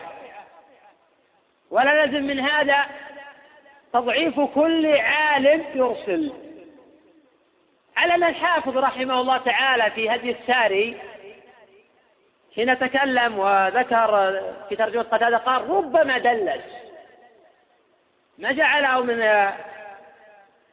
أصحاب المرتبة الثالثة الذين لم يحتج الأئمة من أحاديث لم يصرحوا فيه فقال ربما دلس. وحتى هذا في نظر. وإن كانت عبارته هنا أخف من عبارته في كتابه تعريفها للتقديس وذكرت مرارا أن الرواة الثقات الموصوف الموصوفين بالتدليس لا تضر عنعنتهم ما لم يثبت انقطاع وليس بمجرد العنعنة ترد أحاديث الأئمة الثقات. وقد قال الإمام علي بن المديني رحمه الله تعالى عن يحيى بن سعيد قال قال شعبة لم يسمع قتادة من أبي العالية إلا ثلاثة أشياء. قال قلت ليحيى أي قال علي بن المديني قلت ليحيى عدها علي. قال قول علي القضاة ثلاثة وحديث يونس ابن متى وحديث لا صلاة بعد العصر. فإذا روى قتادة عن أبي العالية غير هذه الأحاديث فبعض الأئمة يسمي هذا تدليسا. وهذا هو الانقطاع. وإذا سميناه تدليسا فلا يترتب عليه رد عن عنت المدلس. وقد توفي قتادة رحمه الله سنة سبع عشرة ومائة وقيل غير ذلك. قال قتادة عن معاذة قال يحيى القطان فيما ذكره عنه ابن أبي حاتم في كتاب المراسيل قتادة لم يصح سماعه من معاذه وقد خالفه غيره. فقد روى الإمام البخاري في صحيحه عن موسى بن إسماعيل قال حدثنا همام قال حدثنا قتادة قال حدثتني معاذة أن امرأة قالت لعائشة أتجزي إحدانا صلاتها إذا طهرت الحديث ففي هذا تصريح قتادة بالسماع والخبر رواه مسلم من غير طريق قتادة عن معاذة والمحفوظ أن قتادة سمع من معاذة ومعاذة هذه هي بنت عبد الله العدوية أم الصهبة البصرية امرأة صلة ابن أشيم. وكانت امرأة عابدة روت عن علي بن أبي طالب وعائشة وهشام بن عامر وأم عمرو بنت عبد الله بن الزبير. وعنها إسحاق بن سويد وأيوب السختياني وعاصم الأحول وأبو قلابة ويزيد ابن الرشك قال ابن معين معاذة ثقة حجة. وذكرها الإمام ابن حبان في الثقات وقال كانت من العابدات وقد خرج لها الجماعة. عن عائشة تقدم الحديث عن عائشة رضي الله عنها وأن النبي صلى الله عليه وسلم لم يتزوج بكرا غيرها وأنها رضي الله عنها قد توفيت سنة سبع وخمسين وقيل سنة ثمان وخمسين. قالت عائشة رضي الله عنها مرنا أزواجكن أن يستطيبوا بالماء فإني أستحييهم. قول عائشة مرنا أزواجكن. في هذا بذل العلم والإخبار عن الأمر الذي قد يخفى مثله على بعض الناس وقولها أن يستطيبوا بالماء الاستطابة بمعنى الاستنجاء. وليس للاستطابة بالماء أو للاستنجاء بالماء عدد مقدر. كالاستنجاء بالأحجار فإنه لا يجوز الاقتصار على أقل من ثلاثة أحجار بينما الاستنجاء في الماء يراعى في ذلك الإنقاء. فلو أنقى بمرة واحدة أجزأ ولا يصح قياس الاستنجاء بالماء على الاستجمار بالأحجار لأن الاستنجاء بالماء لا ينضبط. ولهذا انعقد سبب الاستنجاء بالماء في عهد النبي صلى الله عليه وسلم وفعله وفعل أصحابه من بعده ولم يذكر عنهم عدد في ذلك. وتأخير البيان عن وقت الحاجة لا يجوز. قولها فإني أستحييهم لأن من شأن النساء الحياء في مخاطبة الرجال في مثل هذه الأمور التي يستحيا من ذكرها. ولكن هذا لا يمنع من تبليغ العلم بطرق أخرى. وقد قال بعض العلماء الحياء إن كان في محرم فهو واجب أي إن كان يستحي يفعل محرما فهذا الحياء واجب وإن كان في مكروه فهو مندوب وإن كان في مباح فهو الحياء العرفي. وقد قال صلى الله عليه وسلم الحياء لا يأتي إلا بخير متفق عليه من حديث عمران. قالت عائشة رضي الله عنها فإن رسول الله صلى الله عليه وسلم كان يفعله أي فإن النبي صلى الله عليه وسلم كان يستنجي بالماء. ففي هذا تعقب على من نفى وقوع الاستنجاء بالماء من النبي صلى الله عليه وسلم. والاستنجاء بالماء أو بالحجارة أو ما يقوم مقامهما واجب. وهو شرط في صحة الصلاة عند الجمهور. والاستنجاء بالماء أو بالحجارة أو ما يقوم مقامهما لإزالة الخارج من السبيلين واجب. وهو شرط في صحة الصلاة عند الجمهور. وقيل واجب تصح الصلاة بدونه. وهذا مذهب مالك وأبي حنيفة والحديث إسناده صحيح. وقد قال أبو عيسى هذا حديث حسن صحيح. وقد رواه النسائي رحمه الله من حديث قتيبة وأحمد من طريق أبان عن قتادة. وصححه ابن حبان من طريق قتيبة ابن سعيد. وقد رواه ابن أبي شيبة من طريق منصور عن محمد بن سيرين عن عائشة أنها كانت تقول للنساء مرن أزواجكن أن يستنجوا بالماء إذا خرجوا من الغائط. هذا لفظه عند ابن أبي شيبة وفيه انقطاع فإن محمد بن سيرين لم يسمع من عائشة. وقد تقدم أن يحيى القطان قال عن رواية قتادة عن معاذ لم يصح سماعه وأشرت إلى رواية البخاري. حين قال قتادة حدثتني معاذة. ولم يتابع قتادة على هذه الرواية عن معاذ في صحيح البخاري. فحينئذ لا يمكن أن يقال لعل البخاري أورده في صحيحه لأنه قد توبع عليه. وإنما أورده البخاري رحمه تعالى في مقام الاحتجاج.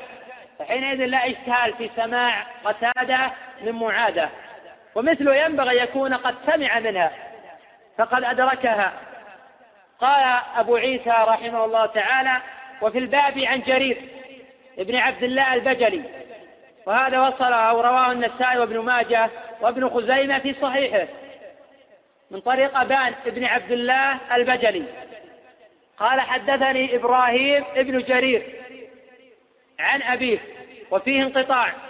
قال أبو حاتم لم يسمع إبراهيم من أبيه.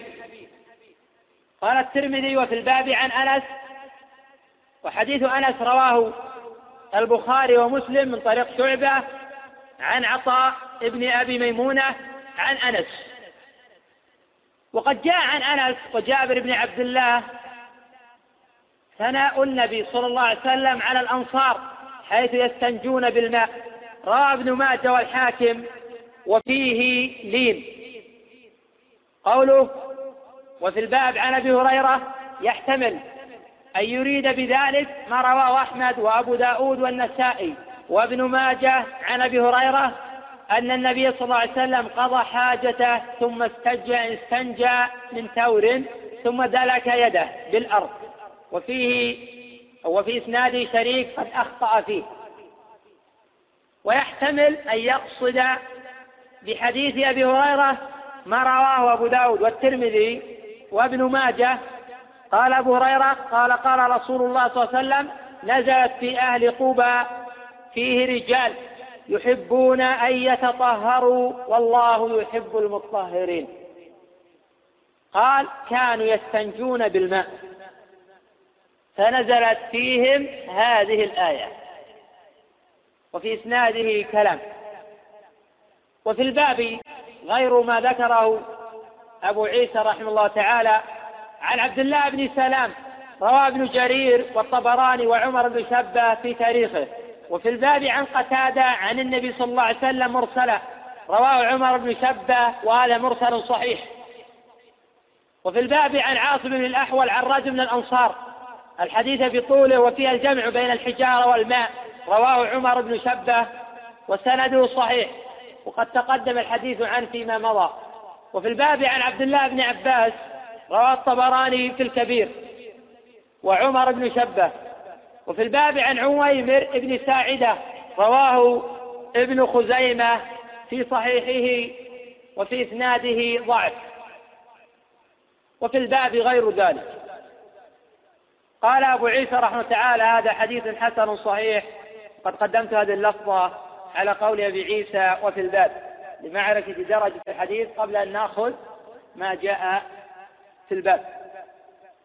قال وعليه العمل عند أهل العلم قوله وعليه الضمير يعود على حديث عائشة. وقد تقدم أنه حديث صحيح والمراد بذلك الاستنجاء بالماء. فلو كان هذا مكروها كما يقوله بعض الفقهاء أو كان ممنوعا كما ذهب إليه بعض الأئمة لما فعله النبي صلى الله عليه وسلم. ولو كان ما يطهر كما نقل عن بعض الصحابة لما اقتصر عليه النبي صلى الله عليه وسلم. علم أن الماء أحد المطهرات للفرج وهذا أمر تواترت به النصوص. ولهذا قال أبو عيسى عليه العمل عند أهل العلم. ما قال عند بعض أهل العلم قال عند أهل العلم. لأن الأمر فيما بعد استقر على الاستنجاء بالماء ويكاد يتفق الأئمة عليه وأنه أفضل من الحجارة. وفي هذه المسألة مذاهب لأهل العلم. المذهب الأول أن الحجارة أفضل من الماء. وهذا مروي عن حذيفة وعبد الله بن الزبير وابن عمر وسعد بن مالك وسعيد بن المسيب والحسن البصري. ونقل عن جماعة من هؤلاء الاستنجاء بالماء كما سيأتي القول الثاني أن الاستنجاء بالماء أفضل حيث التخيير بين أحدهما. فإن الماء يقدم على الحجارة وهذا قول أكثر أهل العلم. المذهب الثالث قول من قال يكره الاستنجاء بالماء ونقل عن طائفة أنه لا ينقي. المذهب الرابع استحباب الجمع بينهما. وهذا قول الجمهور. فيقدم الحجارة أولا ثم يتبع ذلك بالماء. قال أبو عيسى رحمه تعالى أهل العلم يختارون الاستنجاء بالماء وإن كان الاستنجاء بالحجارة يجزئ عندهم. شرط أن تنقي الحجارة أثر البول أو الغائط. فإنهم استحبوا أي فإن أهل العلم استحبوا الاستنجاء بالماء ورأوه أفضل. أي فإن أكثر أهل العلم استحبوا الاستنجاء بالماء ورأوه أفضل. وبه يقول سفيان الثوري وابن المبارك والشافعي وأحمد وإسحاق. ونقل عن جماعة من الصحابة خلاف ذلك. وقد سئل حذيفة عن الاستنجاء بالماء فقال إذا لا يزال في يدي نتن وهذا الإسناد وهذا الإسناد صحيح إلى حذيفة. غير أنه نقل عن حذيفة الاستنجاء بالماء فلعل هذا كان سابقا. ثم تبين له أن الاستنجاء بالماء لا بأس به. كما أنه نقل عن ابن عمر كراهية الاستنجاء بالماء. ثم نقل عنه فيما بعد أنه يستنجي بالماء. وقال رأيناه مطهرا. ونقل منع الاستنجاء بالماء عن عبد الله بن الزبير. وقال ما كنا نفعله. وهذا فيما بلغه علمه. بينما تواترت الأحاديث عن النبي صلى الله عليه وسلم وعن الصحابة أنهم يستنجون بالماء ويقتصرون على ذلك. ونقل أيضا كراهية الاستنجاء بالماء عن سعد بن مالك وعن سعيد بن المسيب وعن الحسن البصري. أذكر بعض فوائد الحديث مجمل ما جاء في الشرح. الفائدة الأولى مشروعية الاستنجاء بالماء وأنه أفضل من الحجارة. وأما حكم الاستنجاء للخارج من السبيلين أي البول أو الغائط فهو شرط لصحة الصلاة عند الجمهور. الفائدة الثانية عدم مشروعية الاستنجاء من الريح. الفائدة الثالثة حرص عائشة رضي الله عنها على نقل أفعال النبي صلى الله عليه وسلم. الفائدة الرابعة أن الاستنجاء بالماء أفضل من الحجارة والجمع بينهما أكمل. الفائدة الخامسة اتصال الإسناد وسماع قتادة من معاذة الفائدة السادسة أن الأحاديث في الاستنجاء من الماء أن الأحاديث في الاستنجاء بالماء متواترة عن رسول الله صلى الله عليه وسلم. فائدة السابعة تخصيص الاستنجاء بالخارج من السبيلين البول أو الغائط. وقد تقدم قبل قليل إشارة إلى هذا إلا أن الإشارة الأخرى وأن الاستنجاء من الريح بدعة ولا وجه لفعل العامة في ذلك. الفائدة الثامنة أن الحياء لا يأتي إلا بخير. الفائدة التاسعة أن الحياء لا يمنع من تبليغ العلم. فإن المرأة حين تستحي أن تبلغ العلم للرجال تبلغ أزواج الرجال. الفائدة العاشرة فيه التنبيه على المسائل التي يمكن أن تخفى على الرجال وأن الإنسان يتحرى المسائل التي تحتاجها الأمة أو التي يمكن أن يغفل عنها الكثير أو لم يبلغهم علمها وحكمها. هذه الحادثة عشرة أن الاستطابة والاستنجاء والاستجمار ألفاظ بمعنى واحد. والله أعلم. لا, ليس صوت المرأة عورة. صوت المرأة ليس عورة.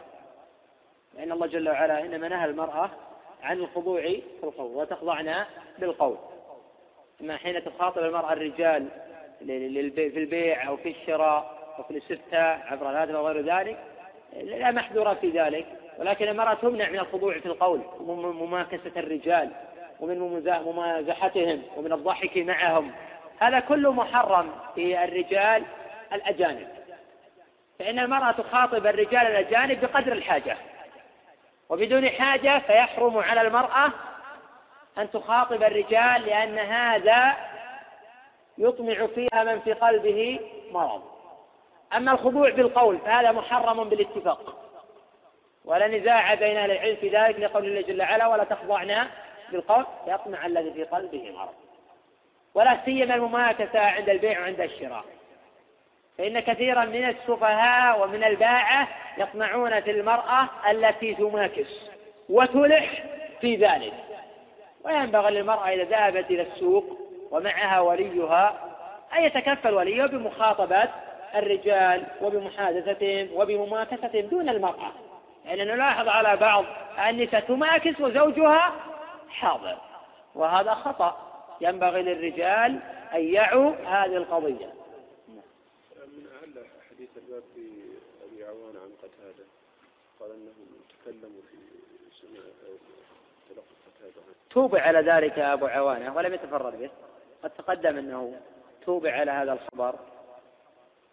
وأيضا تفرد بعوانة عن قتادة لا يؤثر على الصحيح. لأن أبا عوانة ثقة ورواه عن قتادة وقتادة عن معادة وسمع بعضهم من بعض وليس في الإسناد ما يمكن أن يعل به الخبر ولا سيما أن له شواهد متواترة وله طريق أخرى من طريق محمد بن سيرين عن عائشة كما تقدم إشارة إليه عند ابن أبي شيبة وفيه انقطاع فإن محمد بن سيرين لم يسمع من عائشة. وعلى كل لم يتفرد به أبو عوانة فقد تابعه أبان. كما في مسند الإمام أحمد فرواه عن قتادة عن معاذة. نعم. يعني فيه ضعف يسير إذا قيل فيه لين يعني فيه ضعف. وهذا الضعف قد يكون عن اختلاط في آخر عمره. وقد يكون اللين في راو دون راوي. كما يقال عكرمة بن عمار عن يحيى بن كثير. فيه لين يعني فيه اضطراب أو في ضعف أو في غير ذلك وقد يكون في لين مطلقة في كل الرواة وقد يكون في لين في الرواة دون آخرين وقد يكون في لين إذا حدث من حفظه وثقة إذا حدث من كتابه. ولكن في لين أخف يعني كتخفيف عما يقال ضعيف. ففي لين أخف من قولنا ضعيف. في لين مثل فيه ضعف. في ضعف أخف تعبيرا من ضعيف. نعم. إيه نعم لا بأس بذلك. لو كان الماء موجودا يجوز الاقتصار على الأحجار وعلى ما يقوم مقامها إذا أنقت. فلا يجب الاستنجاء بالماء. يجوز الاستنجاء والاستجمار والاستطابة بكل منقي. إلا العظام والأرواث فيجب اجتنابها وكذلك يجب اجتناب الأطعمة واجتناب الورقة المكتوب فيها شيء من ذكر الله جل وعلا. نعم.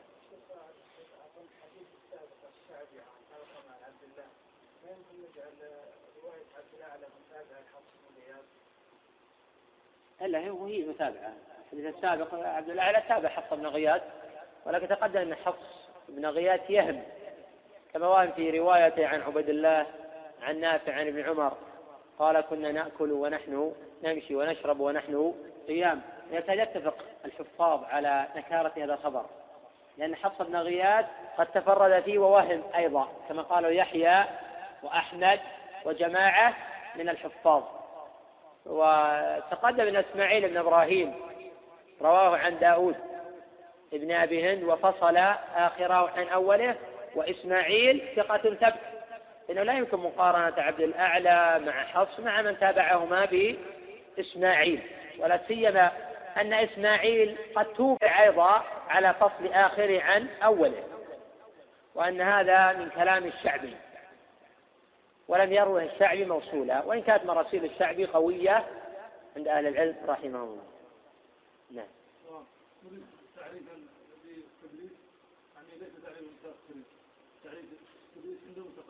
يأتي إن شاء الله الحديث عن التدليس وعن طبقات المدلسين وعن الخلط الواقع في كلام المتأخرين في تحميل اصطلاحات السلف على الاصطلاحات المتأخرة. فإن التدليس عند المتأخرين يجعلونه علة.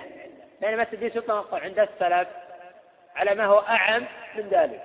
التدليس يطلق عند أئمة السلف على رواية الراوي ما لم يسمع منه. إذا قيل دلس فلان أي أنه لم يسمعه من فلان. فيعل هذا الخبر دون غيره من الأحاديث. وهذا كله إن شاء الله سوف يأتي إن شاء الله تفصيله وبيانه وتقسيم المراتب المذكورة في طبقات المدلسين. نعم.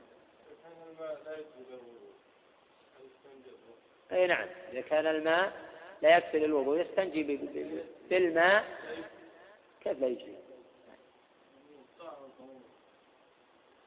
ما في شيء اسمه طاهر وطهور ونجس. المياه نوعان طهور ونجس.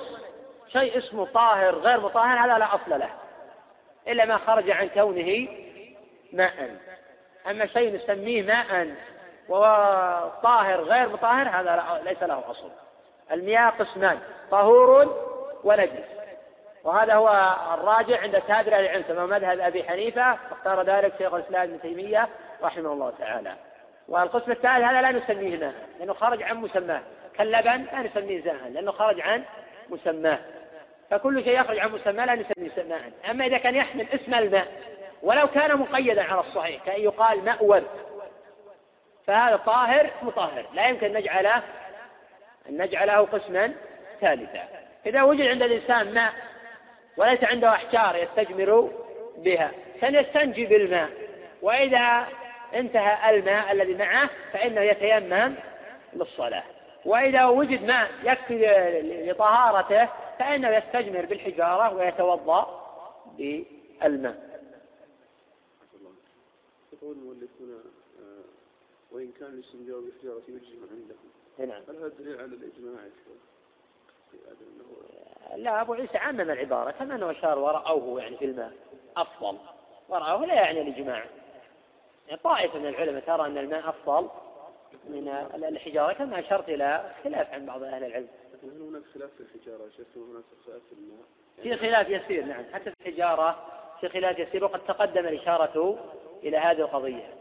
وأن بعض العلماء يرى أنه الحجارة لا, لا تنقي. وإن كان بعض أهل العلم نعم نقل إجماع على أن الحجارة مجزئة. وبعض العلماء قال وإن كانت الحجارة مجزئة فإن الماء أفضل. وبعض العلماء قيد حكم الاستجمار بالحجارة فقال إذا أنقت أثر الغائط أو البول. وإن كان الخلاف في الحجارة أخف في كثير من الخلاف في الماء. وبعد ذلك اتفق أهل العلم على جواز الاستجمام الحجارة وعلى جواز الاستنجاء الماء ولكن الإجماع نقل في جواز الاستجمار بالحجارة ولم ينقل في الاستنجاء بالماء إلا عند المتأخرين. البرك هذه جارية يبولون في وسط في نفس العين الجارية. نعم. إذا كان يتناول الماء من العين أو البركة تناولا ويستنجي خارج العين. هذا جيد. أما إذا كان يستنجي داخل العين وهي غير جارية النبي صلى الله عليه وسلم يقول لا يبولن أحدكم في الماء الدائم الذي لا يجري ثم يغتسل منه والحديث متفق على صحته. فيحرم إلقاء القاذورات العذرات من بول أو غائط في هذه العين التي لا تجري ولا يعني هذا أنه يتنجس لا. إنما هذا لئلا يقذر على غيره. فإن النبي صلى الله عليه وسلم قال في حديث أبي سعيد الخدري رواه أهل السنن وإسناده صحيح كما صححه أحمد وجماعة الماء طهور لا ينجسه شيء. فالماء لا ينجس إلا بتغير طعمه أو لونه أو رائحته بالنجاسة. إذا تغير طعمه أو لونه أو رائحته بالنجاسة تنجس. فإذا أصابته نجاسة ولم يتغير لا له لا طعم ولا لون ولا رائحة فيبقى على طهوريته. وإن كان الماء قليلا فضلا عن الكثير.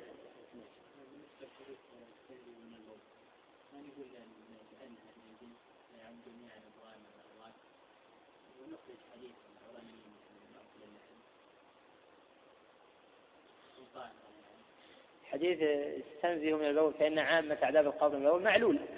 والمحفوظ ما جاء في الصحيحين. أن النبي صلى الله عليه وسلم أنهما لا يعذبان وما يعذبان في كبير أي في نفوسهما. ثم بين النبي صلى الله عليه وسلم أنه كبير. أما أحدهما فكان يمشي بالنميمة وأما الآخر فكان لا يستنزه من البول في رواية من بوله. في رواية لا يستبري وهذا حديث متفق على صحته من حديث ابن عباس. والغيبة والنميمة على السؤال الآخر نعم الغيبة والنميمة من الكبائر وكذلك عدم الاستبراء من البول من الكبائر.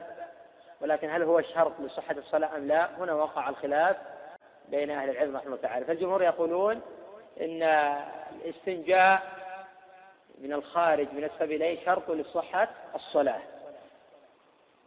وهل يعمم هذا في كل روث؟ روث ما يؤكل لحم طاهر لحديث أنس في قصة العرانيين فإن السلام أمرهم أن يشربوا من أبوالها. والروث بمنزلة البول يؤكد هذا أن النبي صلى الله عليه وسلم حين سئل أن نصلي في مرابض الغنم؟ قال نعم. حين سئل نصلي في مرابض الإبل؟ قال لا لأن مأوى الشياطين وليست العلة هي النجاسة. لأن الإنسان أمر يشرب من أبوالها. إذا كان بول الإبل طاهرا فأرواتها أيضا طاهرة. وليست العلة النجاسة في عدم الاستنجاء بالأروات لأن النبي صلى الله عليه وسلم كما سأله أبو هريرة والحديث البخاري كما سبق قال ما بال الروث والعظام؟ قال هما من طعام الجن. اي نعم يا أخي. أبان تابع أبا عوانة في الرواية عن قتادة. كما جاء هذا في مسند أحمد. وكذلك قتادة لم يتفرد به عن معادة. تابعه يزيد الرشك ويزيد الرشك هو يزيد. ابن آه، ابن أبي يزيد الضبعي. مولاهم. وقد قال عنه الإمام أحمد تعالى صالح الحديث. وقال الترمذي عنه بأنه ثقة وقال النسائي ليس به بائس وثقة جماعة آخرون. على أنه كما سبق ذكره أن الراجح أن قتادة سمع من معادة. كما وردت ذلك في رواية البخاري. حين قال حدثتني معاده هذا على السماع في الجملة. لأنه لم يثبت لنا أن قتادة لم يسمع هذا الحديث بعينه عن معادة ولا يمكن حمل كلام يحيى القطان السابق حين قال قتادة لم يصح سماع من معادة على هذا الحديث. لأن يحيى القطان يقصد في الجملة أنه لم يسمع. ولكن البخاري أثبت أنه سمع. وعلى كل قتادة عن معاذة لم يتفرد به. تابعه يزيد الرشك فالخبر صحيح. بسم الله الرحمن الرحيم. السلام عليكم ورحمة الله وبركاته وبعد. فهذا الدرس من إلقاء فضيلة الشيخ سليمان بن ناصر العلوان حفظه الله تعالى.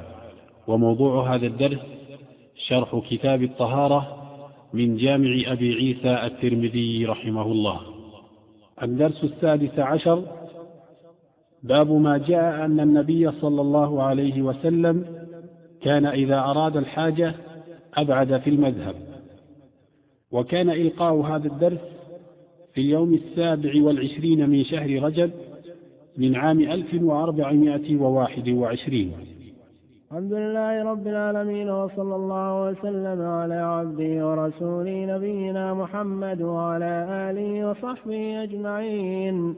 قال الإمام الحافظ أبو عيسى الترمذي رحمه الله تعالى في سننه باب ما جاء أن النبي صلى الله عليه وسلم كان إذا أراد الحاجة أبعد الأبعد في المذهب.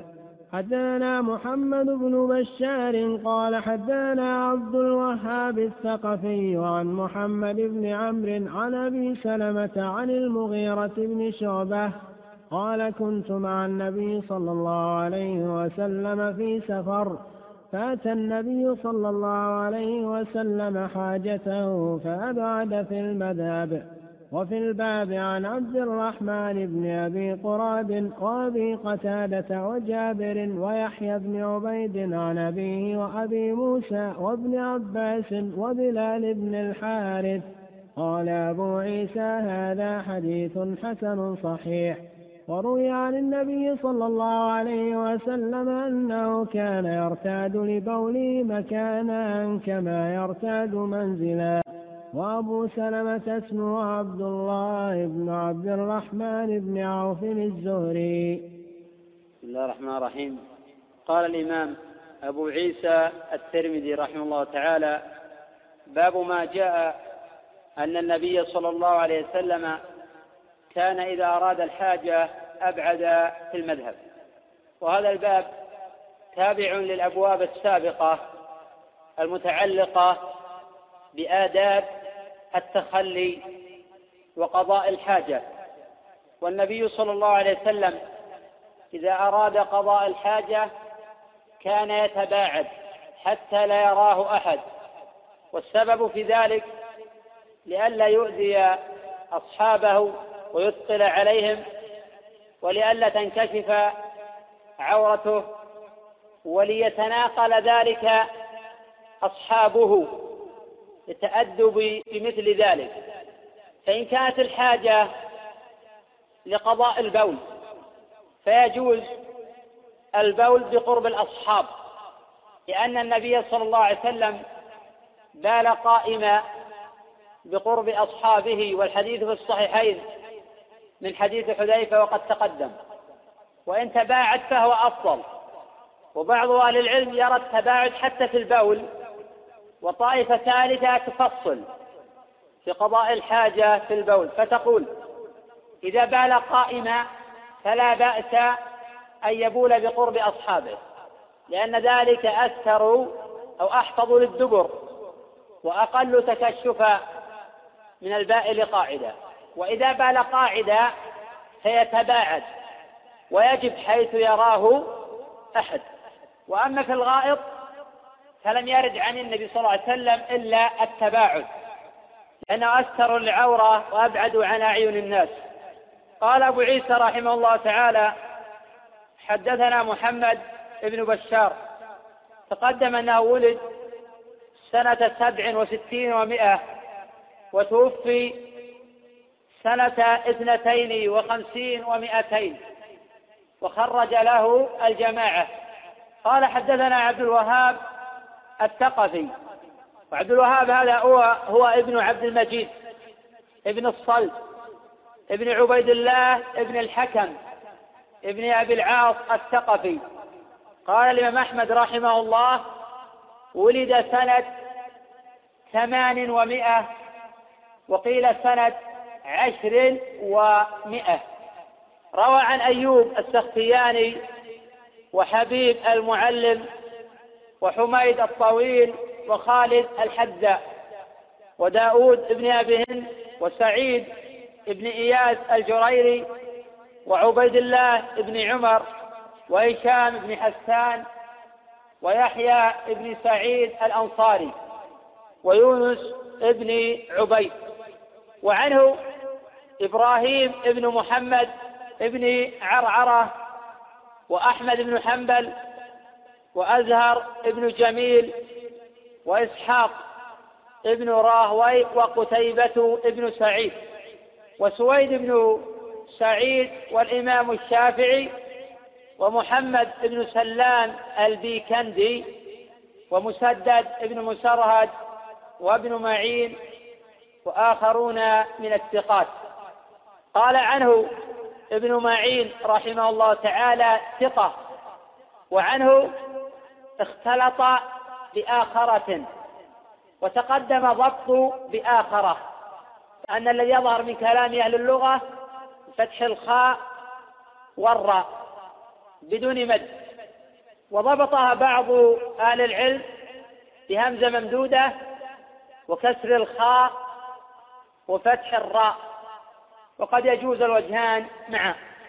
وقال عقبة ابن مكرم اختلط قبل موته بثلاث سنين أو أربع. وقال الترمذي رحمه الله تعالى سمعت قتيبة يقول ما رأيت مثل هؤلاء الأربعة. ما رأيت مثل هؤلاء الأربعة. يعني مالكا والليث بن سعد وعبد الوهاب الثقفي وعباد بن عباد. وقال ابن سعد رحمه الله كان ثقة وفيه ضعف وتوفي سنة أربع وتسعين ومائة وقد روى له الجماعة وذكر الحافظ ابن حجر رحمه الله تعالى في هدي الساري أن البخاري لم يكثر عنه وقال والظاهر أنه قال والظاهر أنه إنما أخرج له عمن سمع منه قبل الاختلاط كعمرو بن علي وغيره. بل قال الإمام العقيلي رحمه الله تعالى أو نقل الإمام العقيلي رحمه الله تعالى أنه لما اختلط حجبه أهله فلم يروي في الاختلاط شيئا. وعبد الوهاب لم يتفرد بالرواية عن محمد بن عمرو. فقد تابعه عبد العزيز بن محمد الدراوردي وذلك عند أبي داود وإسماعيل بن جعفر عند النسائي وابن خزيمة وإسماعيل بن علية عند ابن ماجه. كل هؤلاء رووا الخبر عن محمد بن عمرو بن علقمة بن وقاص الليثي المدني ومحمد بن عمرو روى عن إبراهيم بن عبد الله بن حنين وإبراهيم بن عبد الرحمن بن عوف وخالد بن عبد الله بن حرملة وأبي سلمة بن عبد الرحمن وقد أكثر عنه وعنه إسماعيل بن جعفر والسفيانان وابن علية وشعبة وعباد بن عباد ويزيد بن هارون وعبدة بن سليمان وآخرون. من الثقات. قال الإمام ابن معين رحمه الله تعالى ما زال الناس يتقون حديثه. قيل له وما علة ذلك؟ قال كان يحدث مرة عن أبي سلمة بالشيء من رأيه. ثم يحدث به مرة أخرى عن أبي سلمة عن أبي هريرة. وعن ابن معين قال ثقة وكذا قال النسائي. وذكره ابن حبان رحمه الله تعالى في الثقات وقال كان يخطي وقال ابن سعد رحمه الله كان كثير الحديث يستضعف. وقال الحافظ الجوزجاني ليس بقوي الحديث ويشتهى حديثه. وقال أبو عيسى الترمذي رحمه الله تعالى في كتاب العلل آخر الجامع. وقد تكلم بعض أهل الحديث في قوم من أجلة أهل العلم وضعفوهم من قبل حفظهم ووثقهم آخرون من الأئمة لجلالتهم وصدقهم. وإن كانوا قد وهموا في بعض ما رووا. وقد تكلم يحيى بن سعيد القطان في محمد بن عمرو. ثم روى عنه. حدثنا قال أبو عيسى حدثنا أبو بكر عبد القدوس العطار حدثنا علي بن المديني. قال سألت يحيى بن سعيد عن محمد بن عمرو بن علقمة فقال تريد العفو أو تشدد؟ قلت لا بل أشدد. فقال ليس هو ممن تريد. كان يقول أشياخنا أبو سلمة ويحيى ابن عبد الرحمن ابن حاطب. قال يحيى وسألت مالك بن أنس عن محمد بن عمرو فقال فيه نحو ما قلت. قال علي بن المديني رحمه الله تعالى قال يحيى ومحمد بن عمرو أعلى من سهيل بن أبي صالح. وتعقبه الإمام أحمد رحمه الله تعالى. وجعل سهيل بن أبي صالح أوثق من محمد بن عمرو. وهذا الظاهر فإن سهيل بن أبي صالح ثقة ومحتج به في صحيح الإمام مسلم بينما محمد بن عمرو لم يحتج به صاحبا الصحيح بأن الرواة أقسام. القسم الأول منهم من يتهم بالكذب أو غلب على حديثه الخطأ. فهذان يتركان ولا يحتج بشيء من مروياتهما القسم الثاني الثقات أهل الصدق الذين يقل الخطأ في أحاديثهم أو يندر. فهؤلاء محتج بهم في الاتفاق. القسم الثالث أهل الصدق والحفظ. ولكن ترى على بعض مروياتهم الخطأ الخطأ والغلط وليس هذا بغالب عليهم. فالصحيح في هؤلاء الاحتجاج بمروياتهم.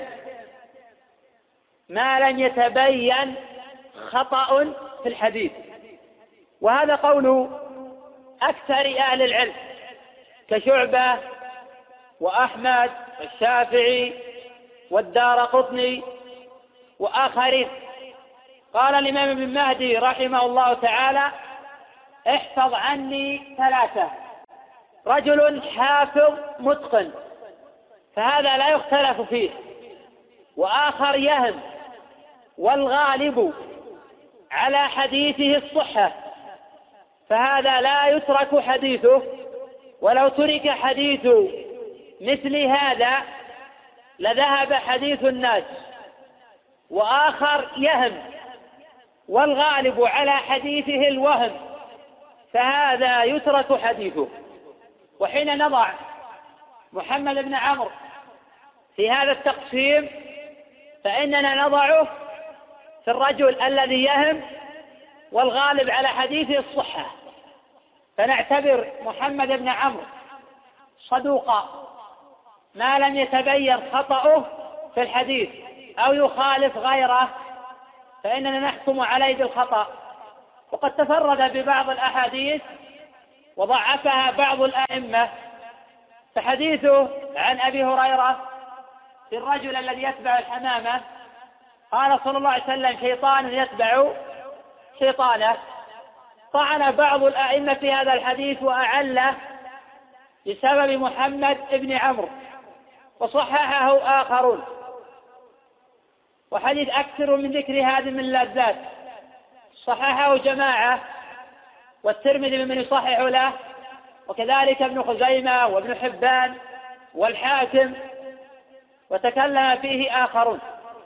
وقد توفي محمد بن عمرو سنة أربع وأربعين ومائة وقيل سنة خمس وأربعين ومائة وقد خرج له مسلم في المتابعات والبخاري مقرونا وروى له أهل السنن وصحح له أبو عيسى وابن خزيمة وابن حبان والحاكم. ويكاد يتفق أكثر المتأخرين على تلقي حديثه بالقبول بينما أكابر أئمة السلف فيهم من تكلم فيه وفي من وثقه. والراجع قبول حديثه ما لم يتبين خطأه كما سبق. قال محمد بن عمرو عن أبي سلمة وجل مرويات محمد بن عمرو عن أبي سلمة وهو ابن عبد الرحمن ابن عوف القرشي الزهري المدني. قيل اسمه عبد الله وقيل إسماعيل وقيل اسمه وكنيته واحد. مولده بحدود سنة اثنتين وعشرين. فقد قال ابن سعد رحمه الله تعالى توفي سنة أربع وتسعين وهو ابن اثنتين وسبعين سنة. وهذا يعني أنه ولد بحدود سنة اثنتين وعشرين وقيل غير ذلك. وقد روى أبو سلمة بن عبد الرحمن عن أبيه ولم يسمع منه شيئا. قال أبن المديني وابن معين والإمام أحمد وجماعة. وقال الإمام أحمد رحمه الله تعالى لم يسمع من أبي موسى الأشعري وقال البخاري رحمه الله أبو سلمة عن عمر بن الخطاب منقطع وقد روى عن جابر بن عبد الله وحسان بن ثابت وزيد بن ثابت وعبد الله بن عباس وعبد الله بن عمر وعبد الله بن عمرو بن العاص. وروى عن جماعة من التابعين أمثال عروة وعطاء بن يسار وعنه ابن أخيه الإمام سعد بن إبراهيم وسعيد المقبري وأبو سلمة وأبو حازم سلمة ابن دينار وسليمان الأحول والأعرج والشعبي. قال أبو زرعة رحمه الله تعالى ثقة إمام. وقال الزهري أربعة من قريش وجدتهم بحورا. سعيد بن المسيب وعروة بن الزبير وأبو سلمة ابن عبد الرحمن وعبيد الله ابن عبد الله وقد تقدم سن وفاته وقد خرج له الجماعة. وقد روى أبو سلمة هنا عن المغيرة ابن شعبة. وقد سمع منه. والمغيرة بن شعبة هو الصحابي المشهور. المغيرة بن شعبة ابن أبي عامر ابن مسعود ابن معتب من كبار الصحابة وشجعانهم. أصيبت عينه يوم اليرموك وذهبت. وقيل إن هذا يوم القادسية. قال ابن سعد رحمه الله تعالى كان يقال له مغيرة الرأي وكان داهية لا يستحر في صدره أمران إلا وجد في أحدهما مخرجا. وقال الإمام الشعبي رحمه الله تعالى القضاة أربعة عمر بن الخطاب وعلي بن أبي طالب وعبد الله بن مسعود وأبو موسى الأشعري. والدهاة أربعة معاوية بن أبي سفيان وعمرو بن العاص والمغيرة وزياد. فأما معاوية فللأناة. وأما عمرو فللمعضلات وأما المغيرة فللمبادهة وأما زياد فللصغير والكبير. وقد روى عنه أسلم مولى عمر بن الخطاب والحسن البصري وزياد بن علاقة وابنه عروة بن المغيرة وقيس بن أبي حازم. قال أبو عبيد القاسم بن سلام رحمه الله توفي المغيرة سنة تسع وأربعين بالكوفة وهو أميرها. وقال الواقدي مات بالكوفة سنة خمسين في خلافة معاوية وهو ابن سبعين سنة. قال المغيرة رضي الله عنه قال كنت مع النبي صلى الله عليه وسلم في سفر. الصحبة تعرف بقوله رأيت النبي صلى الله عليه وسلم فيما صح الإسناد إليه في كل ما سيأتي وبقوله صحبت النبي صلى الله عليه وسلم وبقول الصحابي سأل فلان النبي صلى الله عليه وسلم أو حضر هذا المجمع فلان وفلان وفلان أو وكان فيهم فلان. الصحبة نوعان صحبة خاصة وهي تقتضي الملازمة لرسول الله صلى الله عليه وسلم كأبي بكر وعمر وعثمان وعلي وأنس بن مالك وعبد الله بن مسعود وحذيفة بن اليمان وجماعة من أكابر الصحابة رضي الله عنهم الذين لازموا رسول الله صلى الله عليه وسلم حضرا وسفرا. النوع الثاني صحبة عامة. لهم فضل الصحبة ولهم رؤيا من رسول الله صلى الله عليه وسلم أو سماع ولكن ليس لهم ملازمة خاصة. الصحابة رضي الله عنهم كلهم عدول لا يحتاجون إلى تعديل أحد. بعد إذ عدلهم الله وشهد لهم رسول الله صلى الله عليه وسلم بالفضل والسبق والإيمان. قالوا كنت مع النبي صلى الله عليه وسلم بهذا نعرف صحبة المغيرة وهذا إشكال فيه ونعرف فضله. حيث صاحب النبي صلى الله عليه وسلم في سفر ونقل عنه. لأن بعض الصحابة متفق على صحبته لكن ليس له رواية عن رسول الله صلى الله عليه وسلم. ومنهم المكثر ومنهم المقل. ولا يلزم من المكثر أن يكون أفضل من المقل. فإننا نعلم أن أكثر الصحابة رواية عن رسول عن رسول الله صلى الله عليه وسلم هو أبو هريرة.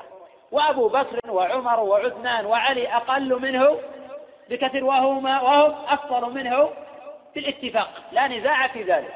بل يعتبر أبو بكر الصديق رضي الله عنه من المقلين في الرواية عن رسول الله صلى الله عليه وسلم مع كثرة ملازمته له وصحبته. قوله فأتى النبي صلى الله عليه وسلم حاجته. أي أراد أن يقضي حاجته. وقد جاء في رواية الدار عند أبي داود ورواية إسماعيل بن جعفر عند النسائي وابن خزيمة قال كان النبي صلى الله عليه وسلم إذا ذهب المذهب أبعد والمراد بالمذهب المكان المهيأ والمعد لقضاء الحاجة.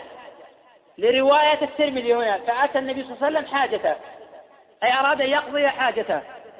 وهذه الحاجة كانت عن غائط أي كان يريد أن يقضي حاجته أي الغائط. بدليل ما جاء عند الدارمي وابن المنذر في الأوسط من طريق محمد بن سيرين عن عمرو بن وهب عن المغيرة بن شعبة. قال كان النبي صلى الله عليه وسلم إذا تبرز تباعد. والحديث يدل على أفضلية البعد عند قضاء الحاجة. وهذا في الغائط محل اتفاق. وفي البول يجوز الأمران. القرب لأنه لا يقترن بذلك رائحة ولأن النبي صلى الله عليه وسلم بال قائما قريبا من أصحابه. ولأن البول قائما لا يحتاج إلى تكشف كالبول قاعدة. ومن هنا فرق بعض أهل العلم بين البول قائمة والبول قاعدة. فقال إذا بال قاعدة فالأولى أن يتباعد والأفضل أن يتباعد. وإذا كان يؤدي إلى تكشف العورة فإنه يجب عليه التباعد كالغائط. وفي الجملة التباعد في البول والغائط أفضل لأنه أبعد عن أعين الناس وأستر للعورة وأكثر احتراما وتقديرا للأصحاب ولأنه قد يصدر منه نساء أو ضراب أو غير ذلك. كي ولكي يأخذ راحته أيضا حيث لا يعجله أحد فيلوث على نفسه أو يصيب بوله أو ثوبه أو رشاش البول ونحو ذلك. قال أبو عيسى رحمه الله تعالى وفي الباب عن عبد الرحمن بن أبي قراد وهذا رواه أحمد والنسائي وابن ماجه وابن خزيمة في صحيحه من طريق عمارة بن خزيمة والحارث بن فضيل عن عبد الرحمن. قال خرجت مع رسول الله صلى الله عليه وسلم إلى الخلاء وكان إذا أراد الحاجة أبعد. وفي الباب عن أبي قتادة ولم أقف عليه فيبحث. وعن جابر بن عبد الله وقد رواه أبو داود وابن ماجه طريق إسماعيل بن عبد الملك عن أبي الزبير عن جابر بن عبد الله. أن النبي صلى الله عليه وسلم كان إذا أراد البراز انطلق حيث لا يراه أحد. وإسماعيل بن عبد الملك قال الإمام ابن مهدي رحمه الله اضرب على حديثه. قال أبو عيسى وفي الباب عن يحيى بن عبيد عن أبيه. وقد رواه الحارث بن أبي أسامة وذكر أبو زرع رحمه الله تعالى أن عبيدا ليست له صحبة. وسيأتي إن شاء الله. قوله وعن أبي موسى أي وفي الباب عن أبي موسى. لم أقف على حديث لأبي موسى في هذا الباب. فيبحث. وابن عباس حديث ابن عباس رواه الطبراني في الأوسط. من طريق سعد بن طريف الإسكاف عن عكرمة عن ابن عباس. قال كان رسول الله صلى الله عليه وسلم إذا أراد الحاجة أبعد. وسعد بن طريف رماه ابن حبان بالوضع وفي الباب عن بلال بن الحارث. وهذا رواه ابن ماجه من طريق كثير بن عبد الله المزني عن أبيه عن جده عن بلال ابن الحارث. وكثير بن عبد الله متروك الحديث. قال أبو عيسى رحمه الله تعالى هذا حديث حسن صحيح. وقد تقدم أنه رواه جمع عن محمد بن عمرو منه إسماعيل بن جعفر والدراوردي وإسماعيل بن علية وجاء من وجه آخر عن المغيرة بن شعبة. وقد صحح أبو عيسى كما هنا وابن خزيمة والحاكم وقال على شرط مسلم وذكره ابن الجارود في المنتقى وظاهر إسناده الصحة فحين نريد أن نحكم على ظاهر الإسناد فإننا نحكم على ظاهر هذا الإسناد بالصحة فقد رواه محمد بن عمرو وقلنا بأنه صدوق ما لم يخالف عن أبي سلمة وأبو سلمة عن المغيرة وقد سمع منه. وتقدم أيضا أنه رواه الدارمي وابن المنذر في الأوسط من طريق محمد بن سيرين عن عمرو بن وهب عن المغيرة بن شعبة. بلفظ كان النبي صلى الله عليه وسلم إذا تبرج. ولكن هذا الخبر جاء في الصحيحين من وجه آخر يفيد المعنى مما ينقدح في الذهن أن هذا الخبر مختصر عما في الصحيحين. فقد روى البخاري ومسلم من طريق أبي معاوية محمد بن خازم الضرير عن الأعمش عن مسلم عن مسروق عن المغيرة بن شعبة قال كنت مع النبي صلى الله عليه وسلم في سفر فقال يا مغيرة خذ الإداوة فأخذتها. فانطلق رسول الله صلى الله عليه وسلم حتى توارى عني فقضى حاجته وعليه جبة شامية فذهب ليخرج يديه من كم من كمها فضاقت فأخرج يده من أسفلها فصببت عليه فتوضأ وضوءه للصلاة ومسح على خفيه ثم صلى والذي يظهر والعلم عند الله أن هذا هو المحفوظ. وغير بعيد أن يكون قد رواه عن المغيرة جمع ولكن فيما يظهر أن القصة واحدة. وأن وقع في الحديث اختصار وقد أشرت إلى حديث المغيرة في الأبواب الأولى من الجامع وأشرت إلى رواية, أبي داود وقلت فيه لين. وأشير باللين إلى أن المحفوظ ما جاء في الصحيحين. وقد تكلم بعض أهل العلم في حديث المغيرة باعتبار أن محمد بن عامر واهم فيه فرواه عن أبي سلمة عن أبي هريرة.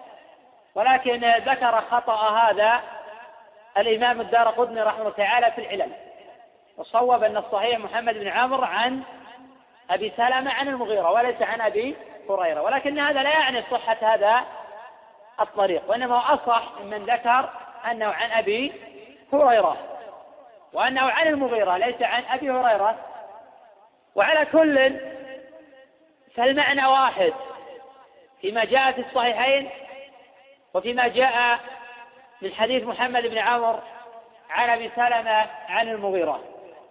قال أبو عيسى رحمه الله تعالى وروي عن النبي صلى الله عليه وسلم أنه كان يرتاد لبول مكان كما يرتاد منزلا قوله وروي هذه الصيغة عند المتقدمين لا يلزم منها تضعيف الإسناد.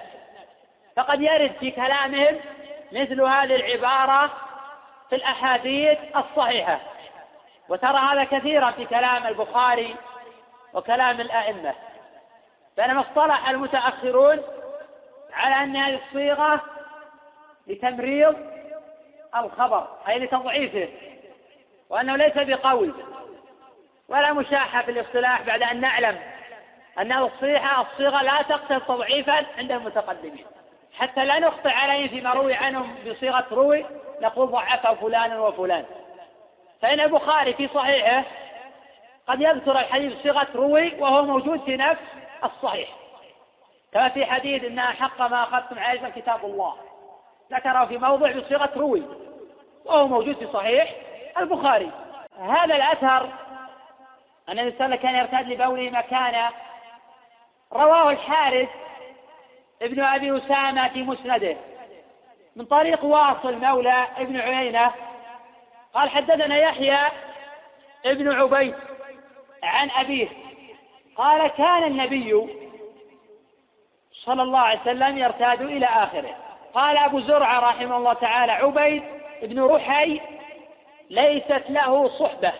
وذكره الطبراني في الأوسط من طريق يحيى بن عبيد عن أبيه عن أبي هريرة وهذا غلط.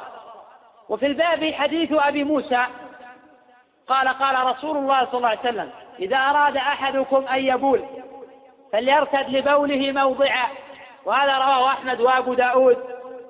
وفيه رجل مبهم. وفي الباب حديث طلحة ابن أبي قنان. رواه أبو داود في المراسيل. وهو أول حديث في كتاب المراسيل لأبي داود. ومعنى ذلك أن من أراد أن يبول فليتخذ لنفسه موضعا رخوا سهلا لئلا يرتد عليه بوله. وهذا المعنى صحيح فإن البول في الأرض الصلبة يقضي تطاير البول على ملابسه وعلى بدنه وحينئذ يستدعي منه إلى غسل الموضع أو إلى الوقوع في الوسواس. وقد تقدم من الراجح من أقوال أهل العلم أن يعفى عن رذاذ البول اليسير الذي لا ينفك منه أحد لئلا يقع الإنسان في الوسوسة ولأن التحرز من رذاذ البول اليسير يتعذر أو يصعب على الكثير والمشقة جالبة للتيسير. وتقدم أن أوسع المذاهب في العفو عن يسير البول هم أهل الكوفة. وأن أشد المذاهب في هذه القضية هم فقهاء الشافعية. والأحناف في هذه القضية أوسع من فقهاء الشافعية. ومن الأدلة على العفو عن يسير البول وعن الرذاذ أن بعضهم احتج بحديث حذيفة حين بال النبي صلى الله عليه وسلم قائما. قالوا لا بد أن يصيبه رذاذ البول. وفي هذا الاستدلال نظر. لكن فيما أصرح من ذلك جواز الاقتصار على الاستجمار أو الاستنجاء بالحجارة. وقد تقدم أن هذا محل اتفاق من الصحابة وأن الخلاف في ذلك يسير. وعلى كل وجد خلاف أو لم يوجد خلاف السنة ثابتة ومتواترة عن رسول الله صلى الله عليه وسلم في الاستنجاء بالحجارة والاقتصار عليها. وأنه لا بد أن يقع أو يوجد شيء يسير من البول أو من الغائط لا يمكن تطهير الموضع من ذلك. هذا دليل على العفو على الأشياء اليسيرة. قال أبو عيسى رحمه الله تعالى وأبو سلمة اسمه عبد الله بن عبد الرحمن بن عوف الزهري وقد تقدم الحديث عنه. نذكر بعض فوائد الحديث وملخص لبعض ما مضى. الفائدة الأولى البعد عند قضاء الحاجة بولا أو غائطا. هذا الأفضل. ويجب حين يؤدي البول قائما. أو قاعدا إلى ظهور العورة. فإن ستر العورة واجب لأن هذه العورة مغلظة وسترها واجب بالاتفاق. ويجوز البول قائما أو قاعدا حين لا يؤدي ذلك إلى تكشف أو انكشاف العورة. وأما الغائط فالسنة المتفق عليها التباعد. وهل يجب ذلك؟ الغالب أن الذي يريد الغائط تنكشف عورته فحينئذ يجب وإذا احتاط لنفسه. فلم ينكشف شيء من عورته جاز البراز قريبا مع الكراهة. الفائدة الثانية نقل الصحابة أو حرص الصحابة على نقل أحكام التخلي والدقة في ذلك. وهذا دليل على شمول الشريعة وإتيانها على كل دقيق وجليل. الفائدة الثالثة وجوب ستر العورة. فإن التباعد عند قضاء الحاجة من أجل ستر العورة ومن أجل أخذ الراحة في قضاء الحاجة ومن أجل حفظ كرامة أصحابه لئلا يؤذيهم بنتن الرائحة الفائدة الرابعة ارتياد المكان السائل حين البول لئلا يصيبه رشاش البول. الفائدة الخامسة وجوب الاحتراز من البول. قد تقدم أن جماهير العلماء يجعلون تطهير البقعة أو الثوب أو البدن من النجاسة شرط لصحة الصلاة. بينما ذهب الإمام مالك وأبو حنيفة إلى أن هذا واجب. وقد يقال بالتفصيل فيكون تطهير الفرجين من البول أو الغائط شرط لصحة الصلاة وتطهير بقية البدن أو الثوب واجب وليس بشرط. وهذا الذي يظهر في هذه القضية والعلم عند الله. هذا ما يتلخص من ذلك. والله أعلم. نعم. الذي يبدو العلم عند الله أن القضية الحديث مخرجه واحد.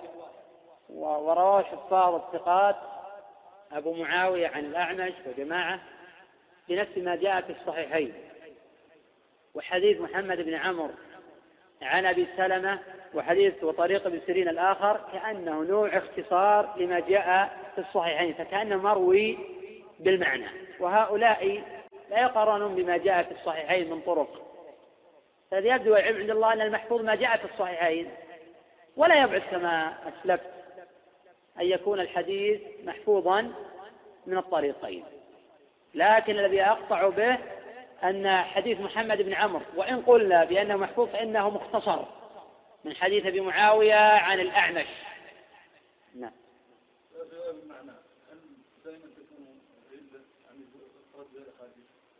ليست علة الرواية بالمعنى. الرواية بالمعنى ليست علة في الحديث.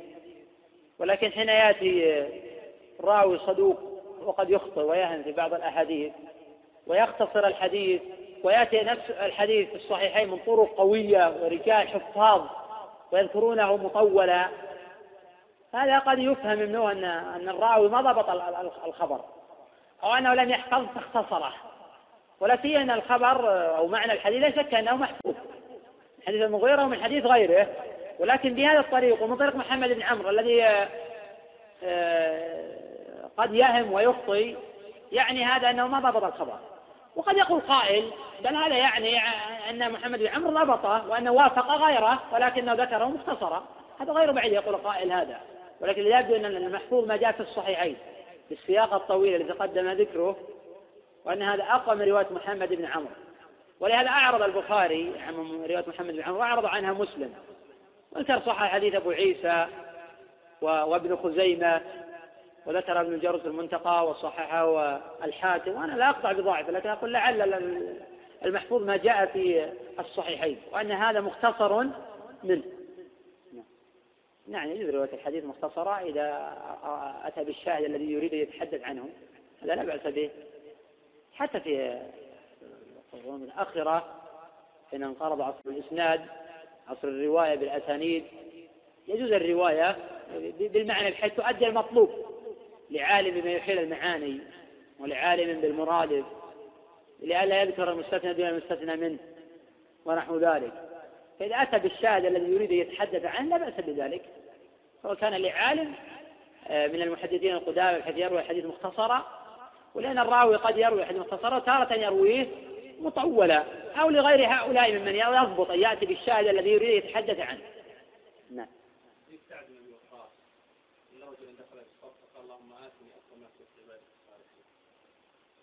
لا أعرف.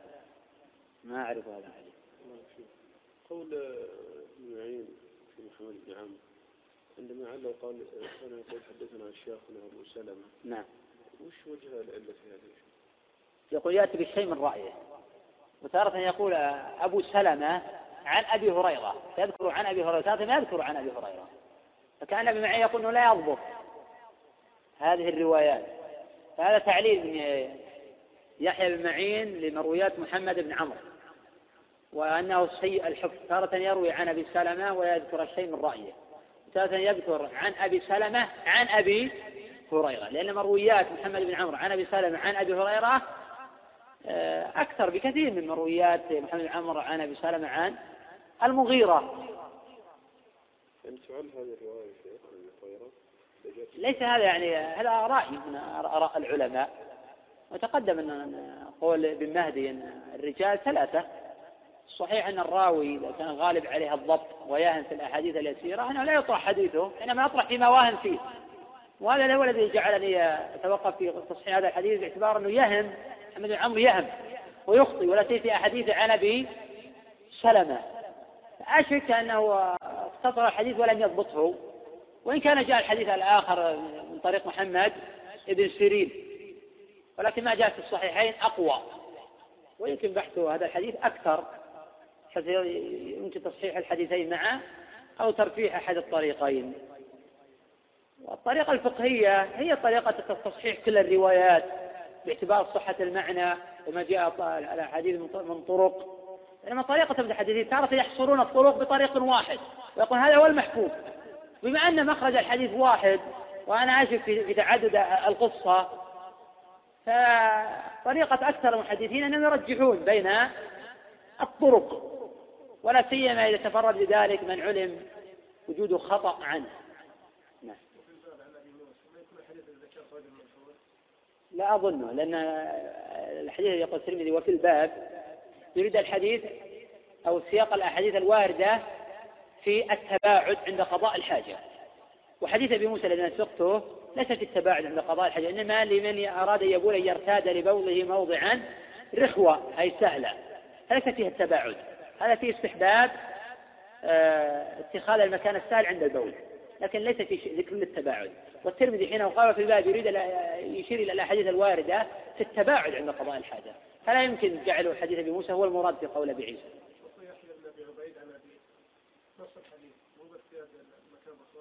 اللي جاء جاء برواية أخرى اللي جاء من يحيى بن عبيد عن أبيه عن أبي هريرة وجاء من رواية يحيى بن عبيد عن أبيه عن النبي صلى الله عليه وسلم. كما ذكر ذلك الحارث بن أبي أسامة في مسنده بينما رواية يحيى بن عبيد عن أبيه عن أبي هريرة عند الطبراني في آه، الأوسط وجاء بألفاظ مختلفة. فحديث يحيى بن عبيد أولا فيه اضطراب وفيه إرسال أيضا. فالحديث لا يصح بأي وجه من الوجوه.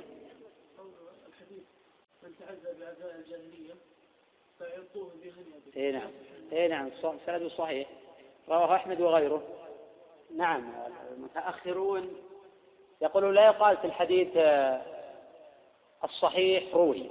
فهذه الصيغة يقيدونها في الحديث الضعيف. فيقال في الحديث الضعيف يروى ويحكى أو روي وحكي وغير ذلك من الصيغ الموضوعة عندها من الحديث الضعيف. أما الحديث الصحيح فيقال فيه قال قال الرسول صلى الله عليه وسلم وفعل الرسول صلى الله عليه وسلم وأخبر وحكم وقضى ونحو ذلك من الصيغ الموضوعه عندها من الحديث الصحيح. وهذا اصطلاح جيد للتفريق بين الصحيح وبين الضعيف بينما كان أئمة السلف يستعملون صيغة روي في الصحيح وغيره وذلك لأنهم يدركون الخبر الصحيح من السقيم فلا يختلط ذلك عليهم. وقلت إنه جاء في البخاري في باب الرقى بفتح الكتاب قال ويذكر عن النبي صلى الله عليه وسلم عن ابن عباس عن النبي صلى الله عليه وسلم. بينما ذكر في الباب الذي بعده باب الشرط في الرقية الحديث موصولة وهو في صحيحه أن النبي صلى الله عليه وسلم قال أن حق ما أخذتم عليه أجرا كتاب الله تعالى. ينبغي أن نفهم أن هذه الصيغة حين ترد في كلام أئمة السلف لا تعني التضعيف. وحين نقرأ الصيغة في صحيح البخاري في الأحاديث التي على شرط لا يعني أن البخاري ضعفها. فقد استعملها البخاري في صحيحه في غير موضع. يقول ويروى ويذكر. وهو حديث صحيح. قد ترى في البخاري وقد ترى في غيره. قد أشرت إليه في المسألة. هذا واضح. فلا ينبغي أو فلا يعني أن إذا جاءت الصيغة بصيغة روي ونحو ذلك أن حديث ضعيف. لا. قد يكون الخبر صحيحا وقد روي بصيغة روي. لكن في بعد الاصطلاح الذي استقر عليه عمل المتاخر لا مانع لا مانع من مراعاه ذلك فإن الانسان لا شيئا إذا أراد ينشئ الحديث الصحيح يقول ثبت أو قال صلى الله عليه وسلم. الحديث الضعيف يقول روي مراعاه للصلاح ولعدم الخلط بين الصحيح وغيره ولا سيما أن بعض الناس لا يفهم ولا يفرق.